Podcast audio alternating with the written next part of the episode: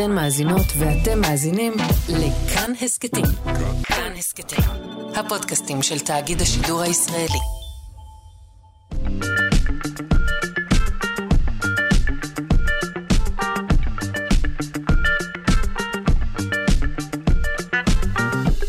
שלושה שיודעים. בוקר טוב, בוקר טוב, מאזיני, שלושה שיודעים, מה שלומכם? הבוקר, על הקשר בין הכנת גלידה לאנומליה של המים, אה, על הקרבת קורבנות מסתורית, וגם על הזאב האתיופי, אה, ליתר דיוק מאובן שלו, בן מיליון וחצי שנים. אה, בשעה השנייה נעסוק טיפה יותר בחג השבועות, כמובן, מהזווית המדעית שלו. עורכת אלכס לויקר, המפיקים היום, טל ניסן ועמרי קפלן, אה, לביצוע הטכני דימה קרנצוב, אני שרון קנטו. בואו נתחיל.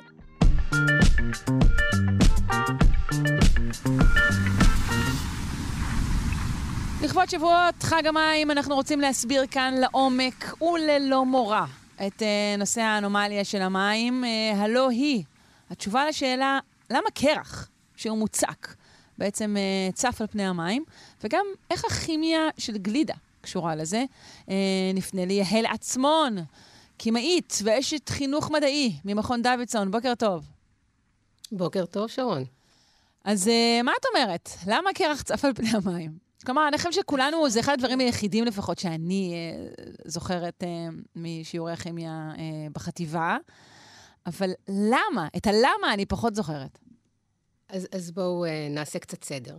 Um, ברוב החומרים שאנחנו מכירים, יש uh, שלושה מצבי צבירה, גז, נוזל ומוצק. כל חומר אנחנו יודעים לעבור ממצב למצב על ידי חימום או קירור שלו, ברוב החומרים לפחות.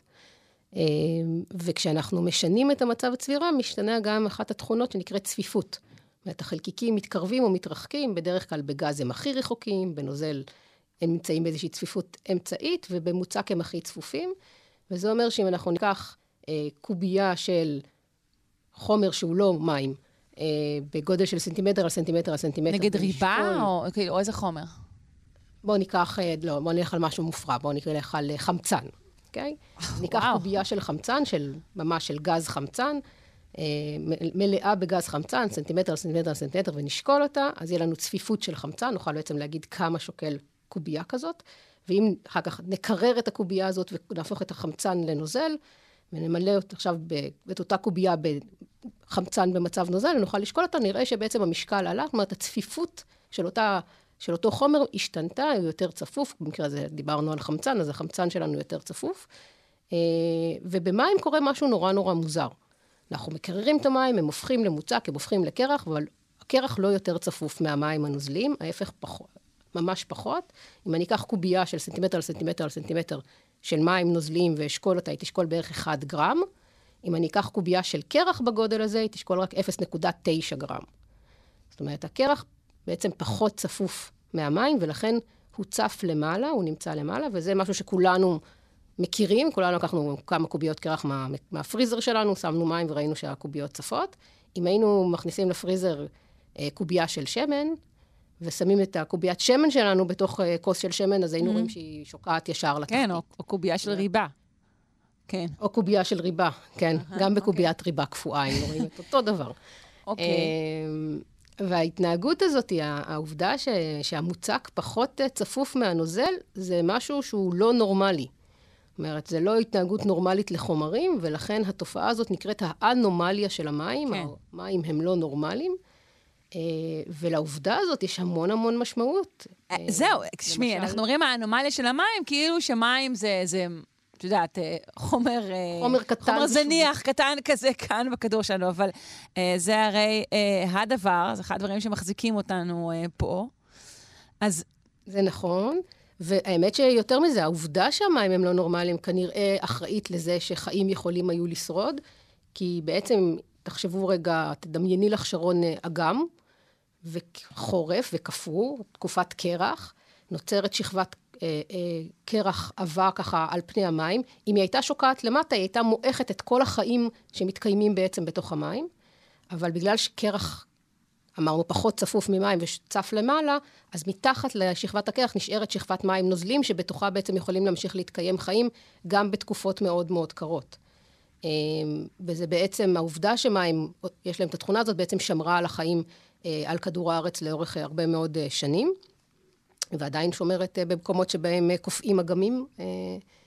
אז, אז אנחנו באמת, התכונה הזאת היא מאוד חשובה לקיום חיים, והיא באמת, הרבה זמן ניסו להבין למה היא קורית, וחקרו אותה, ואחת, המס... בעצם מה שהבינו זה שהמבנה של מולקולות מים, של חלקיקי המים, הם בעצם בקרח מכריח אותם להסתדר במבנה של משושה, מאוד מאוד מסודר. והמבנה הזה הוא בעצם גורם לחלקיקים להיות יותר רחוקים אחד מהשני, מאשר כשהם במצב נוזל ויכולים לזוז בכל, בכל אופן, לכל כיוון שהם רוצים, ולהיות בעצם הרבה יותר צפופים.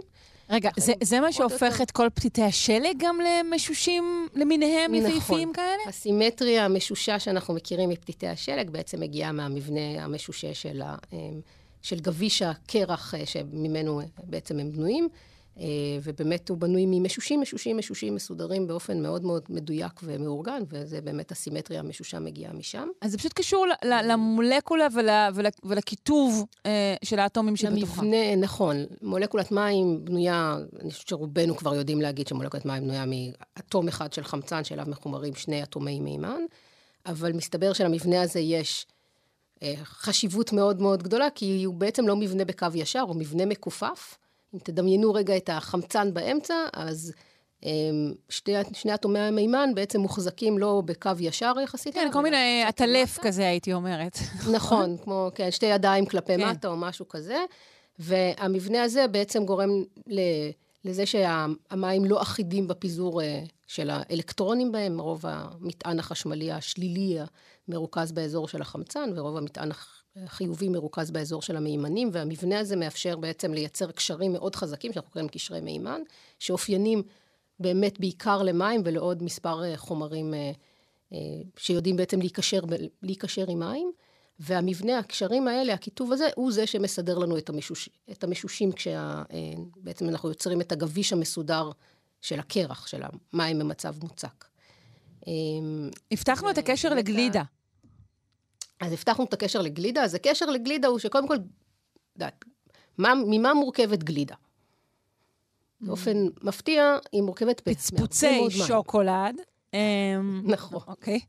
נכון. אז פצפוצי שוקולד וסוכר והרבה מאוד דברים טעימים, אבל המרכיבים העיקריים בסופו של דבר, אה, בהרבה מזונות שלנו וגם בגלידה, זה הרבה מים, אה, שבתוך המים האלה יש סוכר ויש פצפוצי שוקולד ויש אוויר אה, ויש שומן. אה, ואם היינו לוקחים בעצם את כל המרכיבים של הגלידה אה, ומכניסים אותם לפריזר, לא היינו מקבלים גלידה. היינו, ואנחנו מכירים את זה שאם הגלידה חיכתה לנו באוטו בדרך חזרה מהסופר הרבה מאוד זמן, וככה עברה תהליך שבכימית אנחנו קוראים לו התכה, ובשפת היום קוראים לו המסע. זאת אומרת, אה, קיבלנו שלולית גלידה, ואז הכנסנו אותה למקרר, לפריזר, והיא קפאה חזרה, לא, היא, היא כבר לא רכה ונעימה לא, ו- לא, ופלאפית, כן. היא, נכון, היא מכילה מין גושי... כן, היא אפילו לא מילקשייק טעים, בניגוד למה שמקובל היה לחשוב. מה שהיינו מצפים כן, שיקרה. כן, היינו מצפים נכון. שזה מה שיקרה, אבל, אבל השיטה הזאת של להשאיר גלידה באוטו ולחזור למילקשייק, היא נכשלת לפעמים. לא, לא, לא, לא עובד. Mm-hmm. והסיבה היא ש, שבעצם, אה, אם אנחנו רוצים שייווצר לנו גוש קרח גדול, אנחנו צריכים לתת לו זמן והתקררות איטית. אם אנחנו רוצים שלא ייווצרו גושים של קרח, שזה מה שאנחנו בעצם רוצים שיקרה בגלידה, אנחנו רוצים שיהיו בה הרבה גושים קטנים קטנים קטנים של קרח, שלא נרגיש אותם, ושהיא תהיה ככה מעורבבת טוב גם עם השומן וגם עם האוויר שאנחנו מכניסים כשאנחנו מערבבים אותה. אז אנחנו בעצם צריכים לקרר גלידה מאוד מאוד מהר, ותוך כדי ערבוב מתמיד. ולכן לא כל כך קל לעשות גלידה בבית, למרות שזה אפשרי, מי שיחפש מתכונים ימצא גם באתר של מכון דוידסון. לכן יש מכונות גלידה. לכן יש מכונות גלידה, ולכן יש כל מיני שיטות אה, בעצם, שבעצם מאפשרות גם לערבב וגם לקרר בו זמנית, ובעצם כל הזמן לשבור את גבישי הקרח הקטנים שנוצרים לנו אה, בתוך, ה, אה, בתוך התערובת של הגלידה. אמ, ואנחנו בעצם אה, משתמשים אה, בתכונה של המים, שאנחנו יודעים שאיך נוצר, בעצם שנוצרים בכבישים, בשביל לשבור כל הזמן את הכבישים האלה. זאת אומרת, אנחנו לא מאפשרים להם להיווצר, ואז אנחנו מקבלים בעצם גלידה רכה, שמכילה בתוכה הרבה כבישים קטנים, קטנים, קטנים של מים, ולא גביש אחד גדול וקשה כמו גוש הקרח שלנו.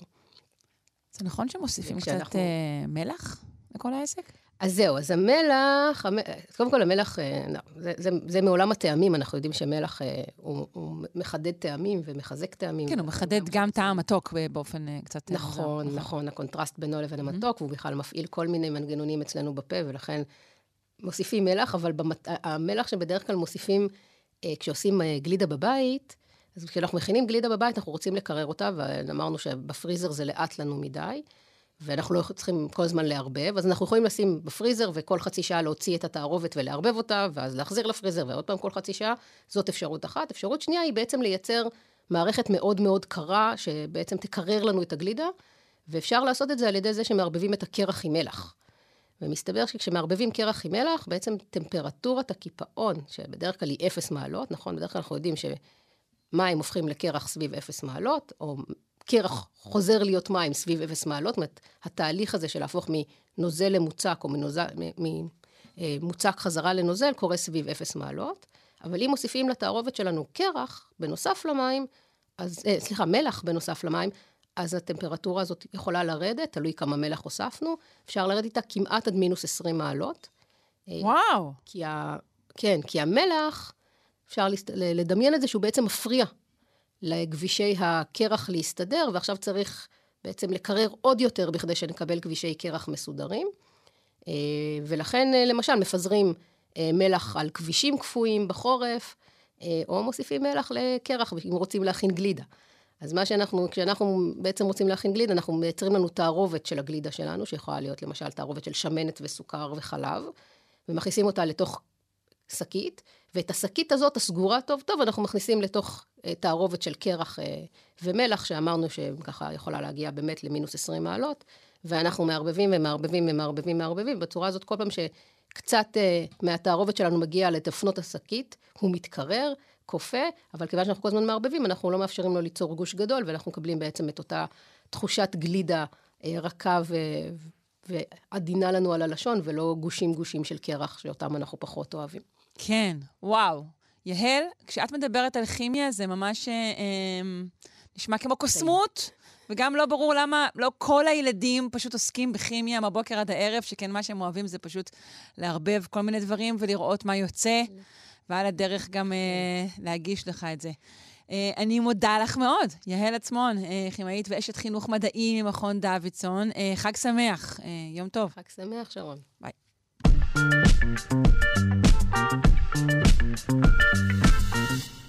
ובכן, אנחנו ממשיכים עם חגים וחגיגות. Um, הפעם אנחנו רוצים לדבר על uh, טקסים שבהם הוקרבו בעלי חיים שונים uh, לכבוד האלה uh, איזיס. Uh, נמצא במקדש בפומפיי, השיערים האלו. אנחנו רוצים לפנות לדוקטור גיא שטיבל מהחוג לארכיאולוגיה ותרבויות המזרח הקדום באוניברסיטת תל אביב. שלום, בוקר טוב.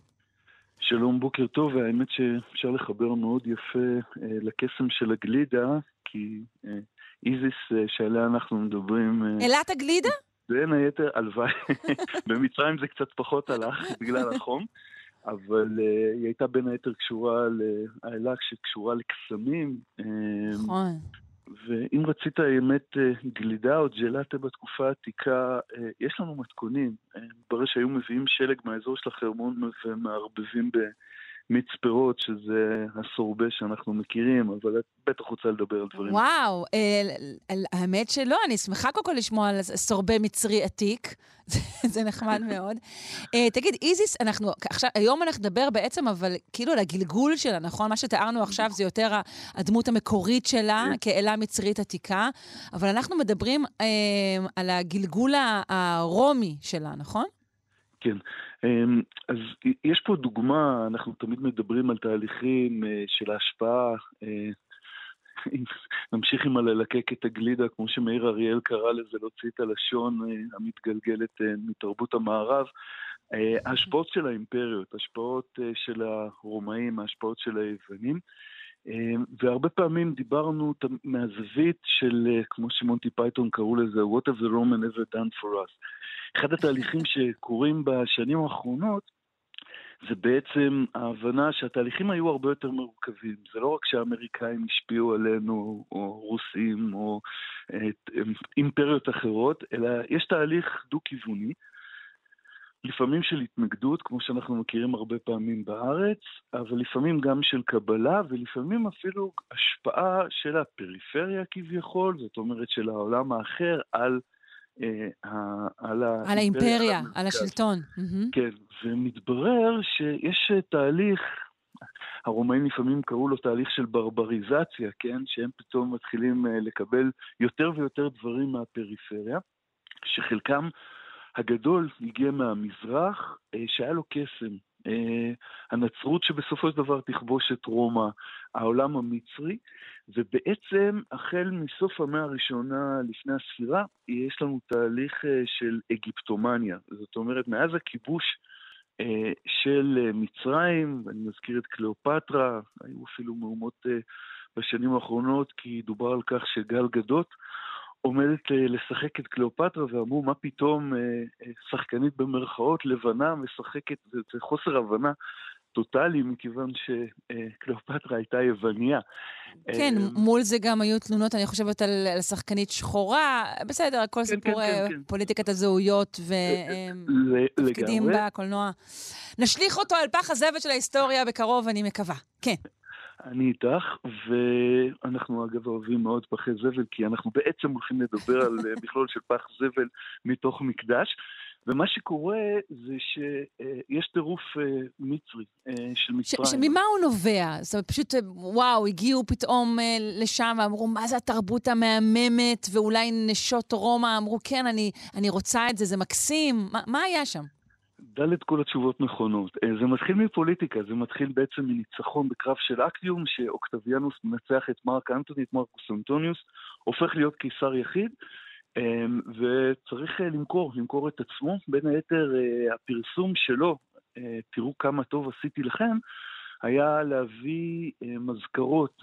הוא עושה cut and paste לאובליסקים, וכל ילד וכל גבר שהלך להיפודרום לראות אה, את הספורט, את תחרויות אה, המרכבות, ראה באמצע הזירה עמוד ענק, מחודד, יש אפילו אחד מאוד מאוד יפה כזה בקיסריה, שווה לכם לתת קפיצה mm, לגן נכון. הלאומי ולראות את זה, ועומד עמוד שכזה, אה, כמו מחט ככה, אצבע גדולה כזאת, שבעצם מזכירה את הניצחון על מצרים. אבל את נורא צודקת ב...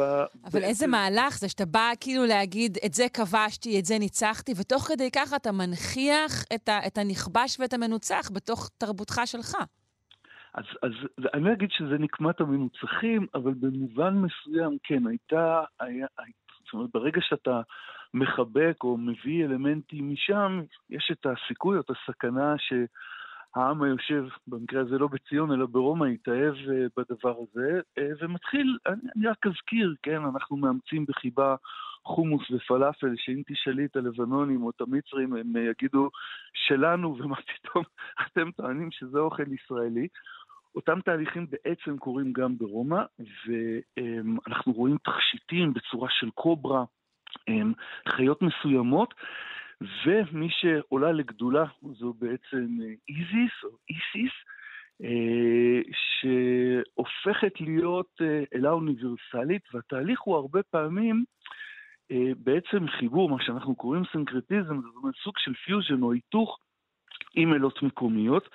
אמ, והיא בעצם מתחברת בין היתר אה, לאלה אה, בשם אה, אפרודיטה, שכולנו מכירים אותה מעולם האהבה, mm-hmm. זו שאחראית על המדורים של הלב ובעצם עושה לנו את החיבורים, ואנחנו רואים חיבור שלה עם דימטר בעולם היווני או עם קרס. שבועות, חג הקציר, הנה, האלה שהולכת עם שיבולים, אלת התבואה, ובעצם מוצאים אותה יותר ויותר נכנסת. עכשיו, התהליך הזה, אגב, לא עבר בצורה חלקה, יש לנו עדות היסטורית שיש קיסרים שנלחמים.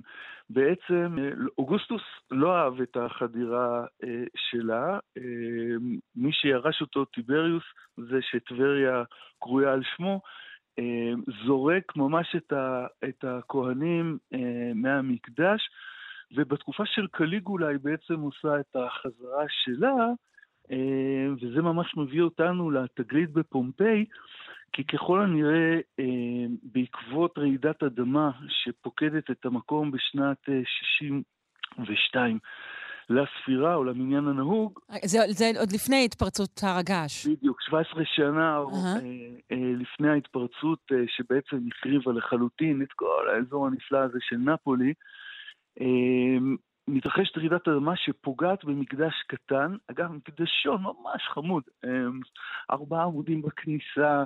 אמ, מי שמכיר, אם אתם מטיילים ליד בניאס, יש אה, מקדש שנחפר בשנים האחרונות, אה, חורבת עומרית, עם פרסקאות יפהפיים, נורא מזכיר בגודל שלו. ואם הייתם הולכים לרומא, לרובע השמיני, אה, לרומא, אני אומר, לפומפיי, לרובע השמיני, אנחנו ממש מכירים את ה... השכונות ואת הרחובות, אז בצמוד לשני התיאטראות זה קצת המרכז, כמו היכל התרבות כזה, איזשהו אזור שהרבה מאוד אלמנטים של תרבות קיימים, שם נעוץ אה, ליד המקדש של אל הרפואה אסקלפיוס, נעוץ מקדשון קטן אה, של איזיס, שהוא נחפר כבר במאה ה-18. אה, השתמר כמעט בשלמותו, זאת אומרת, לא צריך לדמיין, זה אחד הדברים היפים, בדיוק בימים האלה עם הסטודנטים שלי, אנחנו אגב, הסגל הבכיר שובת כרגע, הזדמנות ככה למילה של מחאה ותקווה שמישהו ישמע אותנו. ברור, הם אה, כולם שומעים ומעבירים לכם את כל מה שאתם רוצים כרגע, בטח. אה, כן. כמובן.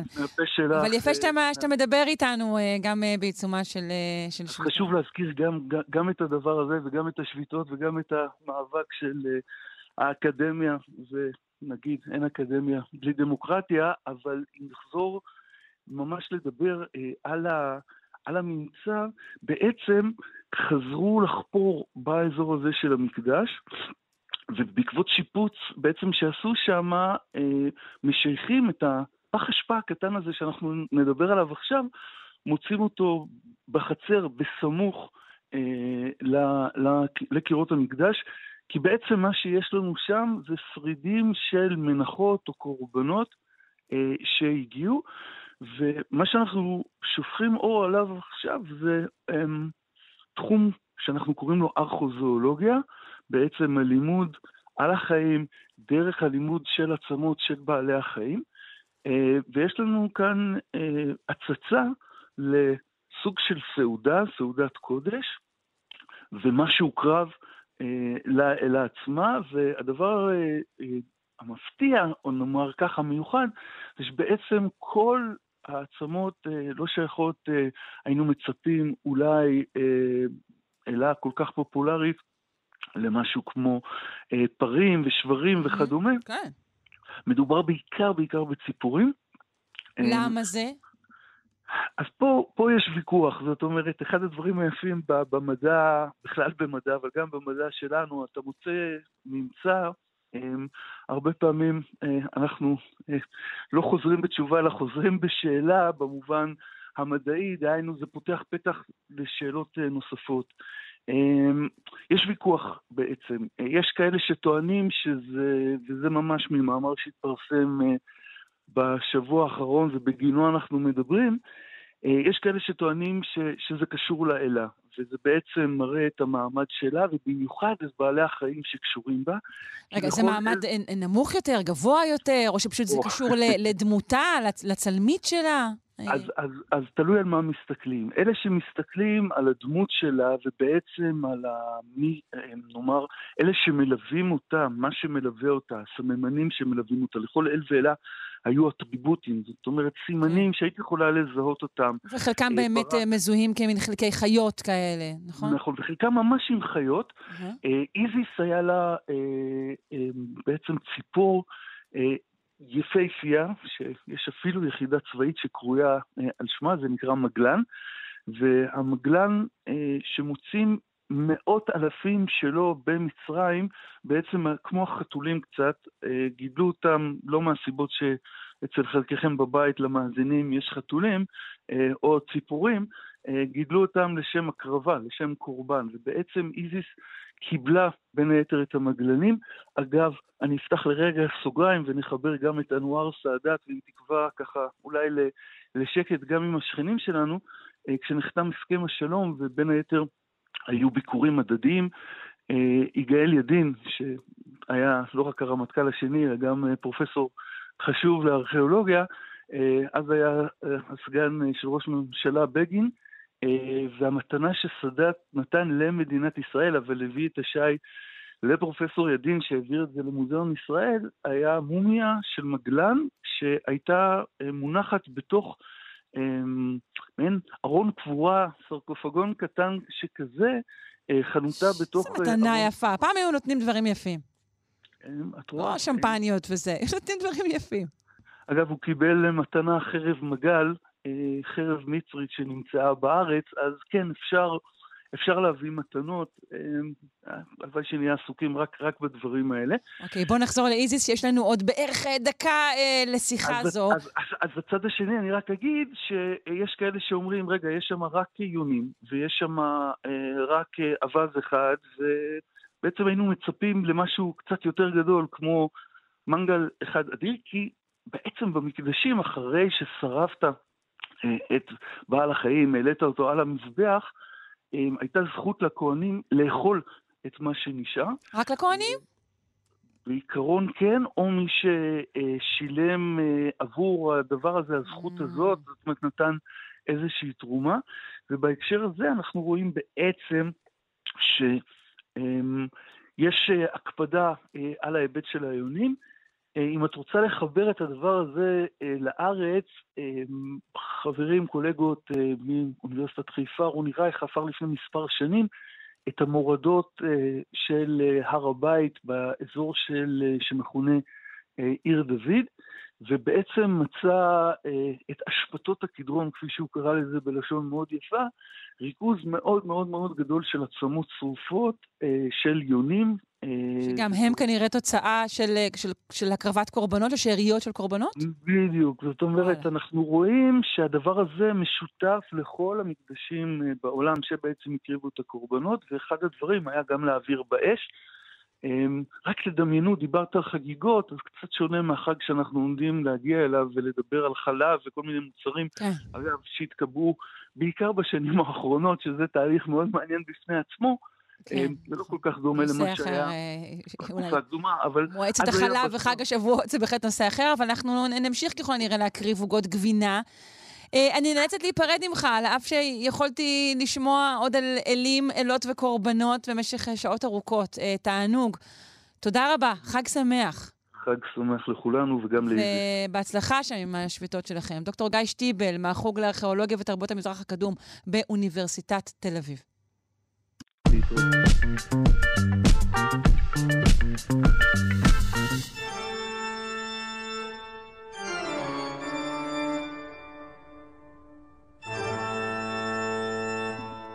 אה, הנה פינת האבולוציה של הפרופסור אריאל צ'יפמן, חבר המחלקה לאקולוגיה, אבולוציה והתנהגות באוניברסיטה העברית.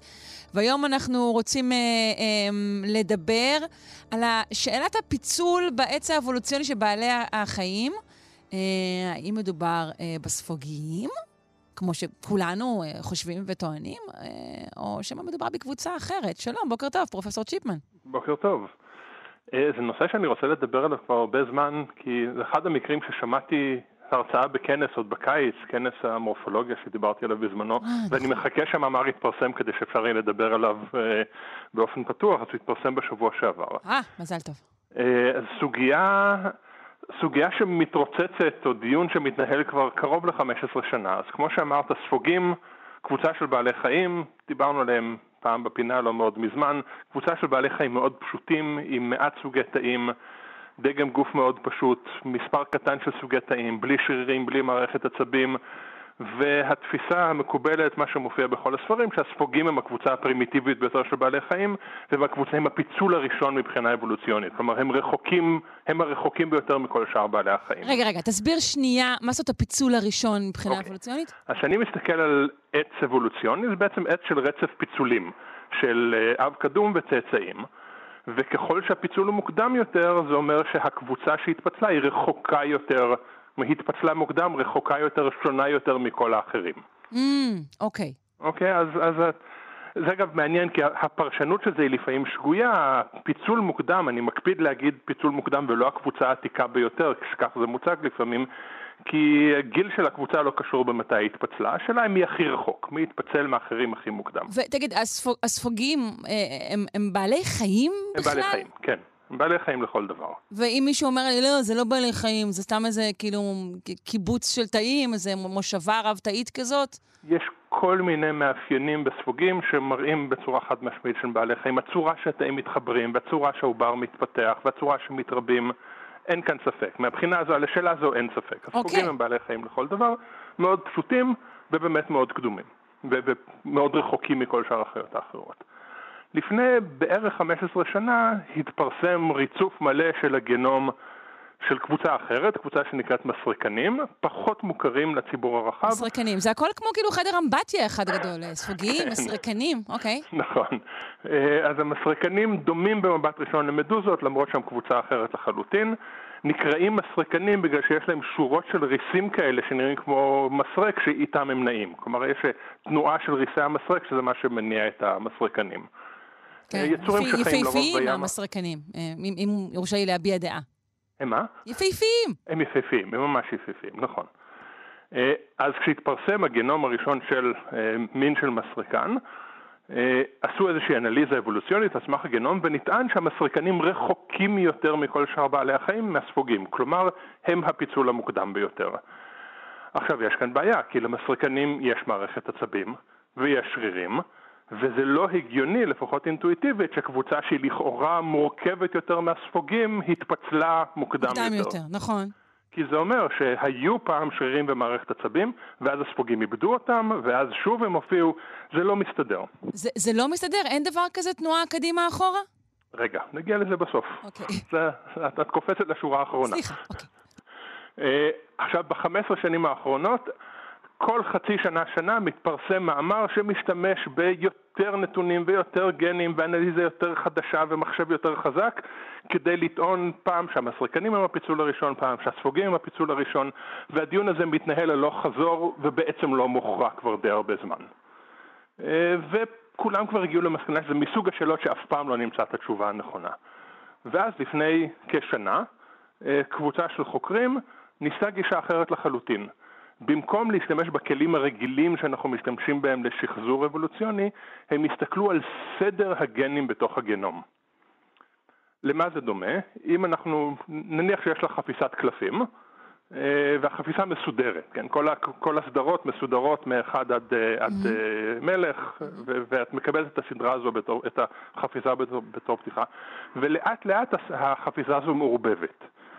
בדימוי שלנו הקלפים הם רצף הגנים על פני הגנום, ובמהלך האבולוציה רצף הגנים מתערבב כל הזמן, כל פעם קצת. עכשיו, הסיכוי שבערבוב אקראי נחזור חזרה לסידור המקורי של החפיסה הוא כמעט אפסי. נכון, נכון אבל אולי אקראי... רצפים בודדים בתוך זה דווקא הסיכוי הוא יותר גדול. נכון, אבל הסיכוי שתחזרי, שתערבבי את, כן, את החפיסה כן, ואני אגיע שוב לאחד עד מלך תחזר... הוא באמת, נכון, הוא נמוך. נכון. אז זו הגישה שהם, שהם נקטו בה. הם okay. אוקיי. בעצם הסתכלו במצב סידור הגנים ברחוק, בקרובים רחוקים, בבעלי חיים חד-תאיים שהם קרובים לחיות, ולקחו את זה בתור נקודת האפס. ואז בדקו את רצף הגנים בספוגים ובמסרקנים ובחיות אחרות. והגיעו למסקנה שנתמכת בצורה מאוד חזקה סטטיסטית שרצף הגנים במסרקנים הוא קרוב יותר למצב הפרימיטיבי, כלומר המסרקנים הם הקבוצה שהתפצלה מוקדם יותר, הקבוצה השמרנית יותר, והספוגים התפצלו מאוחר יותר. עכשיו, במבט ראשון, זה נשמע כמו איזשהו דיון אזוטרי בין מדענים. למי לא, באמת... לא, מה פתאום? החיה שלי יותר פרימיטיבית מהחיה שלך. אבל יש לזה משמעות הרבה יותר עמוקה. כי זה בעצם מלמד אותנו משהו על איך אבולוציה מתרחשת, ובדיוק מה ששאלת ולא עניתי כן. לך, האם יכולה להיות תנועה קדימה-אחורה מבחינה אבולוציונית? האם משהו יכול להופיע ולהיעלם ולחזור שוב? זה נושא מאוד מאוד מעניין. עכשיו, במקרה הספציפי של מערכת העצבים, שזו לכאורה השאלה הכי גדולה, הייתכן שהייתה מערכת עצבים ונעלמה ואז הופיעה שוב? מחקר נוסף שהתפרסם לפני בערך חודש וחצי וגם עליו דובר באותו כנס בקיץ, הראה שמערכת העצבים במסרקנים למעשה שונה לחלוטין ממערכת העצבים בחיות אחרות. הארגון של התאים שונה והמולקולות שמעורבות בתאים שונות, כך שבעצם מסתבר שכנראה המסרקנים המציאו מערכת עצבים בנפרד. אז זה לא שמערכת העצבים הייתה ונעלמה וחזרה. אלא זה משהו אחר. אלא משהו אחר, אפילו פחות סביר בעצם, שמערכת עצבים הומצאה במרכאות פעמיים במהלך האבולוציה. עכשיו, מבחינה, מבחינת פיצול, מה זה אומר? המסרקנים התפצלו מאוד מוקדם. כשהם התפצלו הם עדיין היו קבוצה פרימיטיבית. אה, סליחה, הם עדיין היו קבוצה פשוטה, עם דגם כן. גוף פשוט ובלי מערכת עצמית, אבל במהלך האבולוציה העצמאית... הם פיתחו את זה אחר כך, אחרי הפיצול.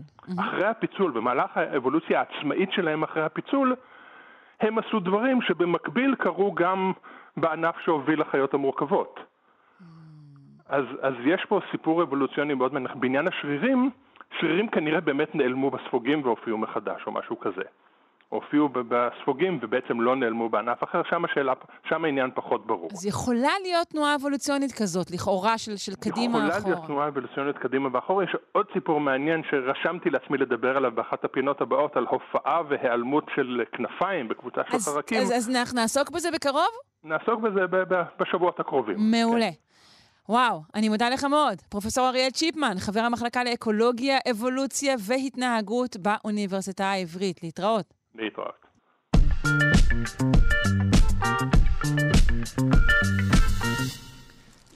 ואנחנו, שימו לב, עם המאובן הראשון, לא השני, לא השלישי, הראשון, של הזאב האתיופי, שמתוארך לגיל של כמיליון וחצי שנים.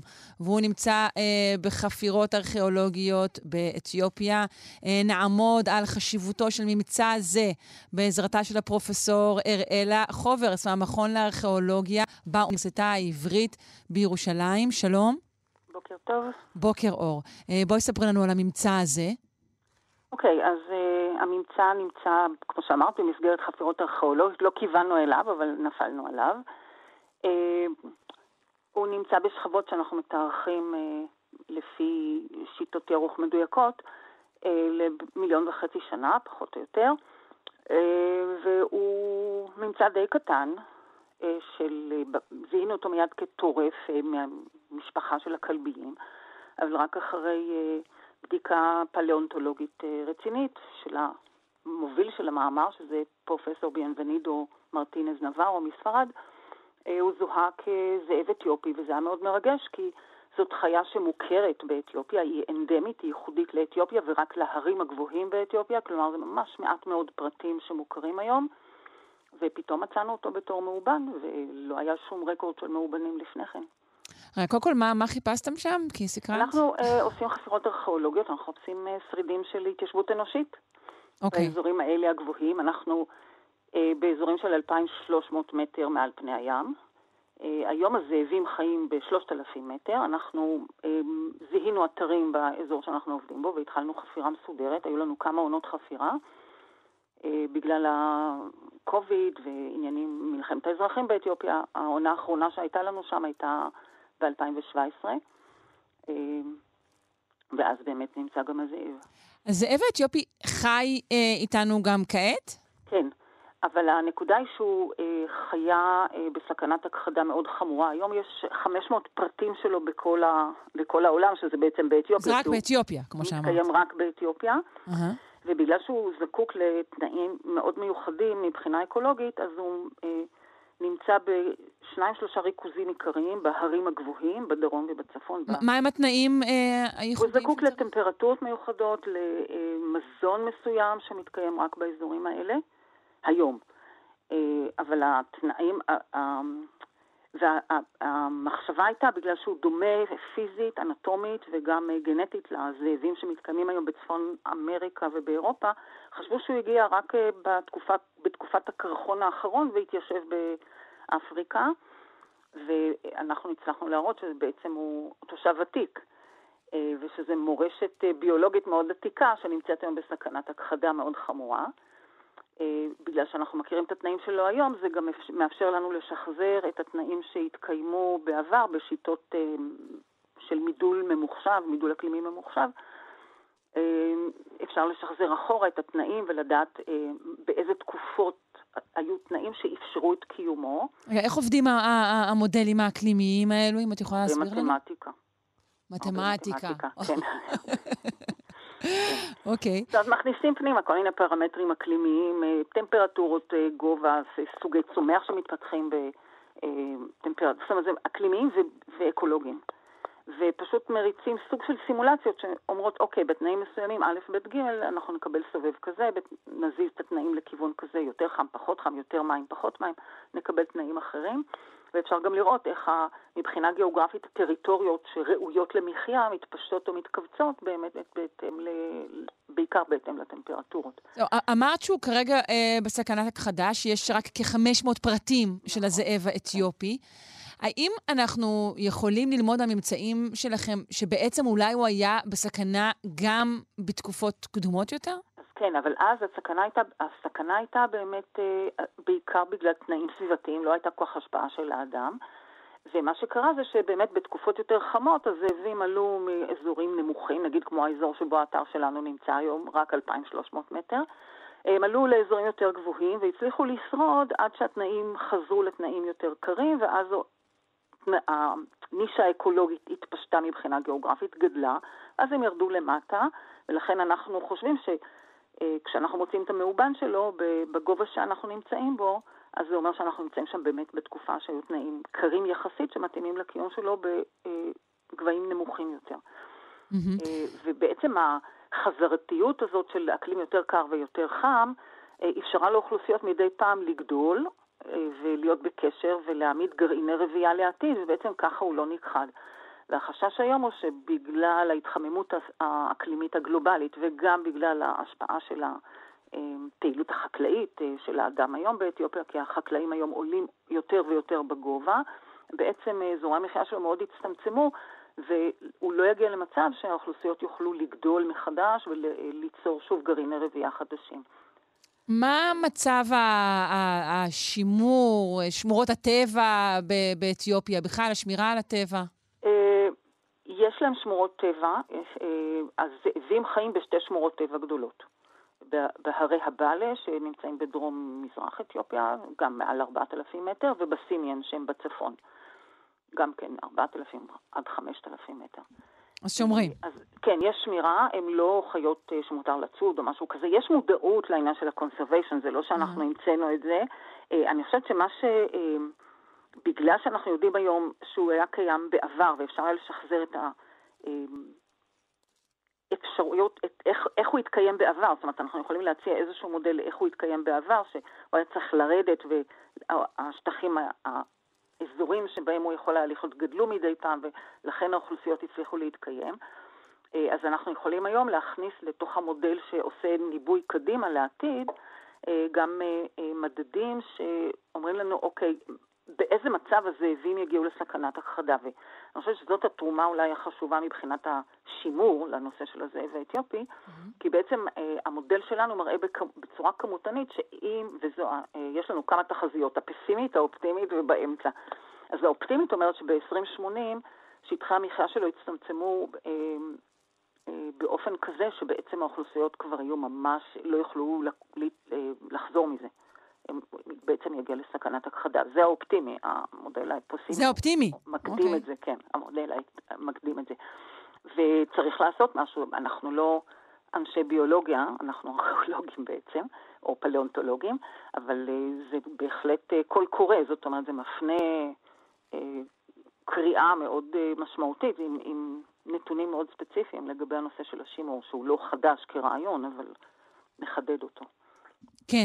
אגב, אה, אה, עד היום, מאיזה שנה נמצאו מאובנים שלו? מה, מה ההפרש? אנחנו מצאנו אותו ב-2017. לא, אני אומרת מאיזה שנים שבהם הוא היה קיים. כלומר, זה מאובן שמצביע על קיומו לפני... בערך במיליון וחצי, אבל זה היחיד שיש. זה היחיד שיש. אין כן. מאובנים מלפני כמה עשרות אלפי שנים או משהו כזה? אין לא. בכלל?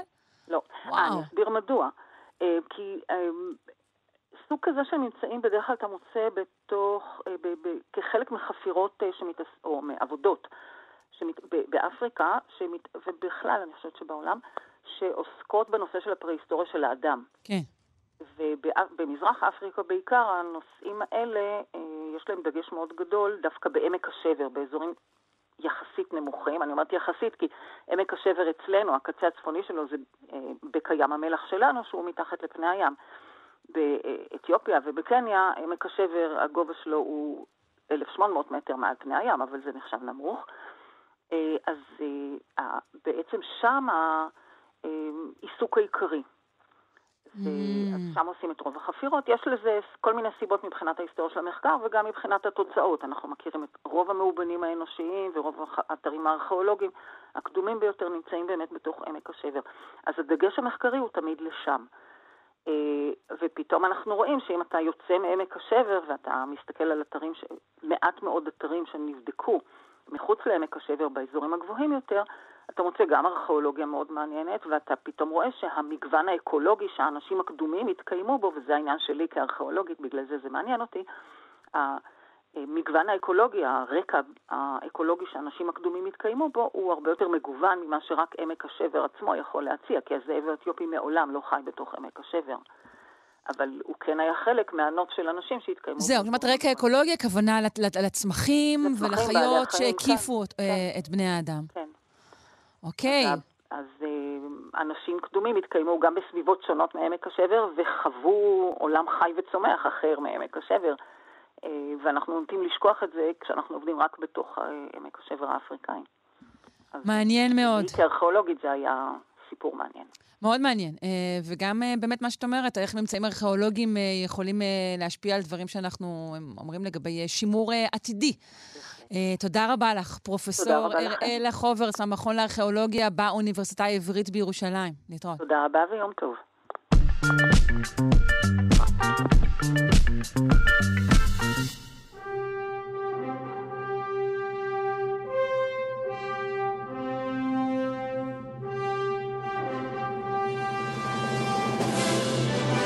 פינת גיבורי העל שלנו אה, מוקדשת אה, לחג הביקורים, והפעם ביקורי אה, גיבורי על. לא, הם לא נכנסים לכאן עם אה, טנא ובטוחות צנוניות.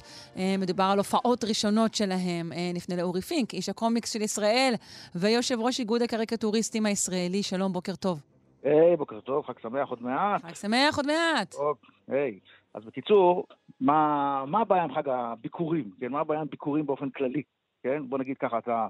המישמיש הראשון שיוצא, כן, זה נורא חגיגי והכל, אבל מישמיש עצמו הוא כזה, אה, כן, הוא לא בדיוק... רגע, רגע, זה הזמן שלי לציין שאני ניצחתי את, אה, את מה שנקרא בעיית הפנקק הראשון, אה, וזהו, שלי גם הראשון 아, כבר אוקיי. טעים, כן. וואלה, אוקיי. אוקיי. פרטים בפרטי. אבל, אז הטבע עדיין לא פתר את הבעיה הזאת, תמיד האפרסקים הראשונים כאלה מצ'וקמקים וזה, הכל תמיד כזה. וככה גם האמת בעוונותיה, גם גיבורי על נראים ככה, זאת אומרת, גם גיבורי על, עוד מהראשון הראשון אני מקווה שמה שאתה אומר על הטבע הוא משהו שהוא, אתה יודע, שהוא נכון באופן מוחלט. רגע, את הלכת פעם לירקן וראית מישהו הראשון של השנה והוא היה מוצלח? אה, אוקיי, הבנתי. חשבתי שאתה אומר... חשבתי לדבר על כאילו על מין, אולי על מין אה, ראשון וקדום, שאולי הוא פחות מוצלח מאשר פיתוחים עתידיים. אתה מתכוון על הראשון שמגיע בעונה, אוקיי. אוקיי, כן, כן, ברור, ברור. כן, כן. קיצר. כי המישמיש של גן עדן, אתה יודע איזה טעם היה לו? לא, מישמיש, אה, מישמיש גן עדן בטוח, אני מדבר על זה. אוקיי, אז אה, כן, זה יכול להיות הנחה, הנחש עם המישמיש זה באמת, אה, יכול להיות טוויסט יפה לעלילה. אז אה, בוא נגיד, אפילו הגיבור הראשון שלנו, הגיבור הראשון, האב המייסד של כל הז'אנר הזה, כן, פשוט המוזיקה שאנחנו שומעים בתחילת הפינה שלו, סופרמן. ההפרעה הראשונה של סופרמן בעצם הייתה אה, בשנת 33, כן, 33, בסיפור קצר שכתבו שני, שכתב ג'רי סיגל ואייר ג'ו שוסטר, שני חבר'ה היהודים שיצרו אותו, ושם אה, לסיפור קראו The Rain of the Superman, כאילו, of the Superman, ריין אה, שלטון, לא ריין גשם, כן? כן. והדמות סופרמן הייתה רשע, נבל, טלפתי, קרח, כן? זה פעם ראשונה, פעם ראשונה שהופיע סופרמן, זה מופיע עם, עם מקף. אנחנו יום אחד צריכים אה, להקדיש את הפינה, כמו שאתם מדברים על כך שאולי אה, דמויות אה, כבדות, אה, אה, אבות בשר יותר משויכות לצד הרע. יש כן, גם עניין של שיער אולי, כן, גם קרחים. כן, גם קרחים, גם קרחים. אז זה באמת היה פעם ראשונה שהמילה סופרמן הופיעה אצל סיגל ושוסטר, כן, ודווקא הוא נראה יותר כמו לקס לוטור, כן, זה היה הקטע, ונחמד שהמילה סופרמן הייתה במקף, אבל לא יודעים אם זה היה בכוונה, בגלל שהמילה סופר הייתה בעמוד אחד, והמילה מן הייתה בעמוד השני, כאילו היה איזה בעיה שם. זה משהו לא בעניין של הדפוס בכלל, לא מכוון. כן, בדיוק, זה אוקיי. אז אחרי זה הופיע סופרמן, עכשיו סופרמן גם בהתחלת הדרך גם היה קצת כמו המישמיש הראשון, היה קצת מצ'וקמק, הוא היה, א', הוא לא ידע לעוף, הוא לא ידע, כן, הוא היה, אה, היה לו גם כזה משולש מוזר על החזה, במקום הסמל היהלום הזה שהיה לו. והיה מצויר אה, לא הכי מי יודע מה בעולם, ג'ו סוסטר הוא באמת אה, עשה תרומה גדולה לאנוש, לאנושות עם היצירה של גיבורל, אבל הציורים לא היו משהו. אז זה הסופרמן הראשון, זה הסופרמן הראשון, ככה הוא התחיל, זה היה הביקורים של הסופרמן. עכשיו בואו נעבור לעמיתו, האפל יותר, בטמן. עכשיו, בטמן, כן, בטמן, אה, האמת שביקשו ליצור דמות נוספת אחרי ההצלחה של סופרמן, אמרו, בואו בוא, בוא נמציא עוד גיבור עוד, עוד משהו בז'אנר החדש הזה, ואז אמרו, נמציא משהו אפל. ואז פנו לבחור בשם אה, בוב קיין, בוב קיין, שהיה לו כוח על אחד, בוב קיין, היה לו עורך דין טוב. ובוב קיין, בוב קיין. זה חתיכת כוח על. בוב קיין, כוח על מצוין. ואז בוב קיין הוציא מהחברה, אמרו, אתם רוצים שאני אתן לכם גיבור על? בסדר, אבל כל הזכויות שלי, הכל שלי, אני עצרתי אותו, רק אני, רק אני, רק אני. אבל היה חסר לבוב קיין כישרון אחד, וזה להיות מוכשר, הוא היה איש לא כזה מוכשר. ואז הוא יצר דמות שקראו לה בטמן, והייתה נראית ככה, הייתה, בואי תדמייני לך.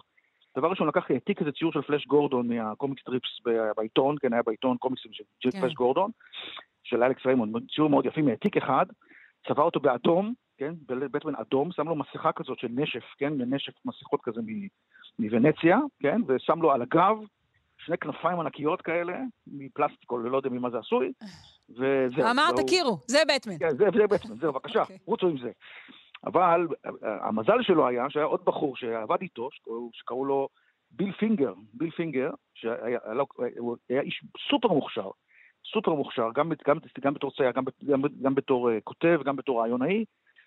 הוא בא, כן אמר, שמע, זה לא ילך ככה, זה לא, זה לא נראה טוב, זה לא נראה אפל, ואז הוא, באמת, הוא זה שבא ושפצר את בטמן, כן, שפצר אותו, עשה לו, עשה אותו יותר אפל, נתן לו את המסכה עם הקרניים כמו שצריך והכל והכל והכל, גם אחרי זה, יותר מאוחר המציא את רובין ואת הג'וקר ו-20 אלף דמויות שהיום אתם כולם מכירים, אבל השם של ביל פינגר לא הופיע בקומיקס במשך כמעט 70 שנה, בגלל שבוב קיין היה לו עורך דין יותר טוב. כן, בדיוק. זה, זה בחוברת של קרב עורכי הדין, אנחנו מוצאים את הדבר הזה. כן, לא, באמת, זה נורא עצוב. האמת שעכשיו הוא מקבל את הכבוד המגיע לו. עכשיו, אם תשימי לב, כל פעם שבטמן מופיע באיזה סרט או משהו כזה, היום כתוב created by בוב קיין ביל פינגר, כן? כי פעם זה לא היה ככה. בקיצור, בטמן הראשון היה יכול להיות מאוד מאוד מאוד גרוע. אם זה היה ממשיך ככה, כאילו, אם לא, לא היו, כן, אם הביקורים היו נשארים, אז היינו במצב מאוד חמור עם בטמן היום. אמ, יש לך עוד הופעת בכורה אחת קצרה כן, לסיום, מספר לנו? גרוט, גרוט, כולם מכירים היום את גרוט הנחמד בשיעורי הגלקסיה? כן. כן? אז גרוט בעצם הופיע פעם ראשונה, הייתה תקופה אפלה בשנות ה-50 וה-60 במרוויל, שהיה אסור שגיבורי על היו התחתית של התחתית של התחתית, ואז עשו קומיקס מפלצות. כן, עשו קומיקס מפלצות. כל חודש היו עושים קומיקס על מפלצת שמגיע מהחלל, והולך לכבוש את כדור הארץ. זה היה, זה היה הקומיקס הזה. ואחד המפלצות האלה היה גרוט, השורש שהוא בן אדם, כן? Mm-hmm. פלנט, לא, וזהו, זו הייתה ההופעה הראשונה שלו, הוא היה גדול, מפלצתי, ורק רצה לכבוש את כדור הארץ וזהו. ואחרי זה, החבר'ה שבאיזשהו שלב יצאו שוברי הגלקסיה, חיפשו עוד דמות לצרף לשוברי הגלקסיה, ומצאו את החוברת הנידחת הזאת על המפלצת הנוראית, גרוט. אה, ככה נגנבו מהשם, וצירפו אותו, ומאז הוא הדמות האהובה שכולנו מכירים משומרי הגלקסיה. כן. מה עם וונדר וומן? מתי פעם ראשונה ראינו אותה ואיך? וונדר וומן, אה נכון, צודקת, אה, זה וונדר וומן, האמת, אה, די, וונדר וומן הופיע בסנסיישן קומיקס מספר אחד.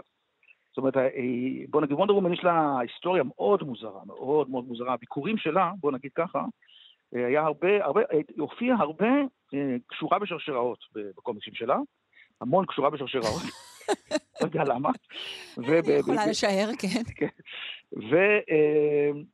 ובפעם ראשונה שהיא הופיעה בתוך חלק מקבוצה, חבורת הצדק, אז היא הייתה המזכירה, כן, היא הייתה המזכירה. כל הגיבורים ישבו מסביב, היא הייתה המזכירה, כן, כי זה היה, כן, 1941. כן, כן. היה לה חצאית, היה לה חצאית כזאת, כמו זה, היה חצאית כזאת יפה. בטח. אבל אה, מה שמעניין, שמי שצייר את הקומיקס שלה, אה, זה היה מישהו שהיה מומחה אה, דווקא בציורים של בעד הזכות הצבעה לנשים. כן, זה היה... וכך היא התקדמה ממזכירה ל... לגיבורת על? כן, לגיבורת על. יפה. אה, טוב, וטוב שכך. אורי פינק, אני מודה לך מאוד, חג שמח. מאה אחוז, בוקר טוב, ביי ביי.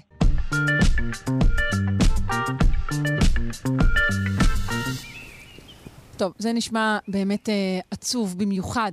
אה, ירידה במספר הגוזלים. אה, ההתחממות הגלובלית אה, גורמת לירידה אה, במספרם של גוזלים, של ציפורים נודדות ושל ציפורים גדולות. כך קובע מחקר בינלאומי חדש. נשוחח עם הדוקטור מוטי צ'רטר, חוקר אקולוגיה וחיות בר מאוניברסיטת חיפה ומכון שמיר למחקר. שלום, בוקר טוב. שלום, בוקר טוב. בוא ספר לנו איך נערך המחקר הזה, מה בדקתם ואיך. אז יפה. אז קודם כל, אין כזה ויכוח שיש שינוי אקלים, שיש התחממות גלובלית. אני מקווה מאוד שאין ויכוח, אבל כפי שאתה יודע, יש קצת יש, ויכוח. בשוליים, לא, יש בשוליים. ויכוח על למה זה, אבל כן. השאלה אם זה משפיע על הציפורים, אוכלוסיות של ציפורים. עכשיו, הבעיה שרוב העולם, אם אני מצליח לעשות איזה מחקר ולמצוא שינוי, אז אני יכול לפרסם את זה. אז בדרך כלל אנחנו נמצא יותר מחקרים שרואים שינוי מאשר שלא רואים שינוי. אוקיי. אבל פה, פה מה עשינו זה משהו מיוחד. רצ- רצינו לראות אם יש שינוי לא רק במין אחד, במלא מינים. אז היה מחקר עם אה, 104 מינים שונים בכל העולם, 201 אוכלוסיות, הג- הגענו ל-745 אלף טיטולות, כאילו כינונים של ציפורים. וואו. רגע, זה, זה מחקר של עכשיו או שזו מטה-אנליזה של נתונים של עשרות שנים? זה, זה מטה אנליזה בדיוק של מלא שנים, אוקיי. okay. כדי לראות שיש שינוי לא רק במין מין אחד, אלא מלא מינים. לראות אם יש באמת מגמות. אהה. ו- ו- ו- אז, אז זה מאוד קשה לעשות דבר כזה, כי אין הרבה אוכלוסיות, כי מה, שינוי אקלים זה לא מהיום למחר.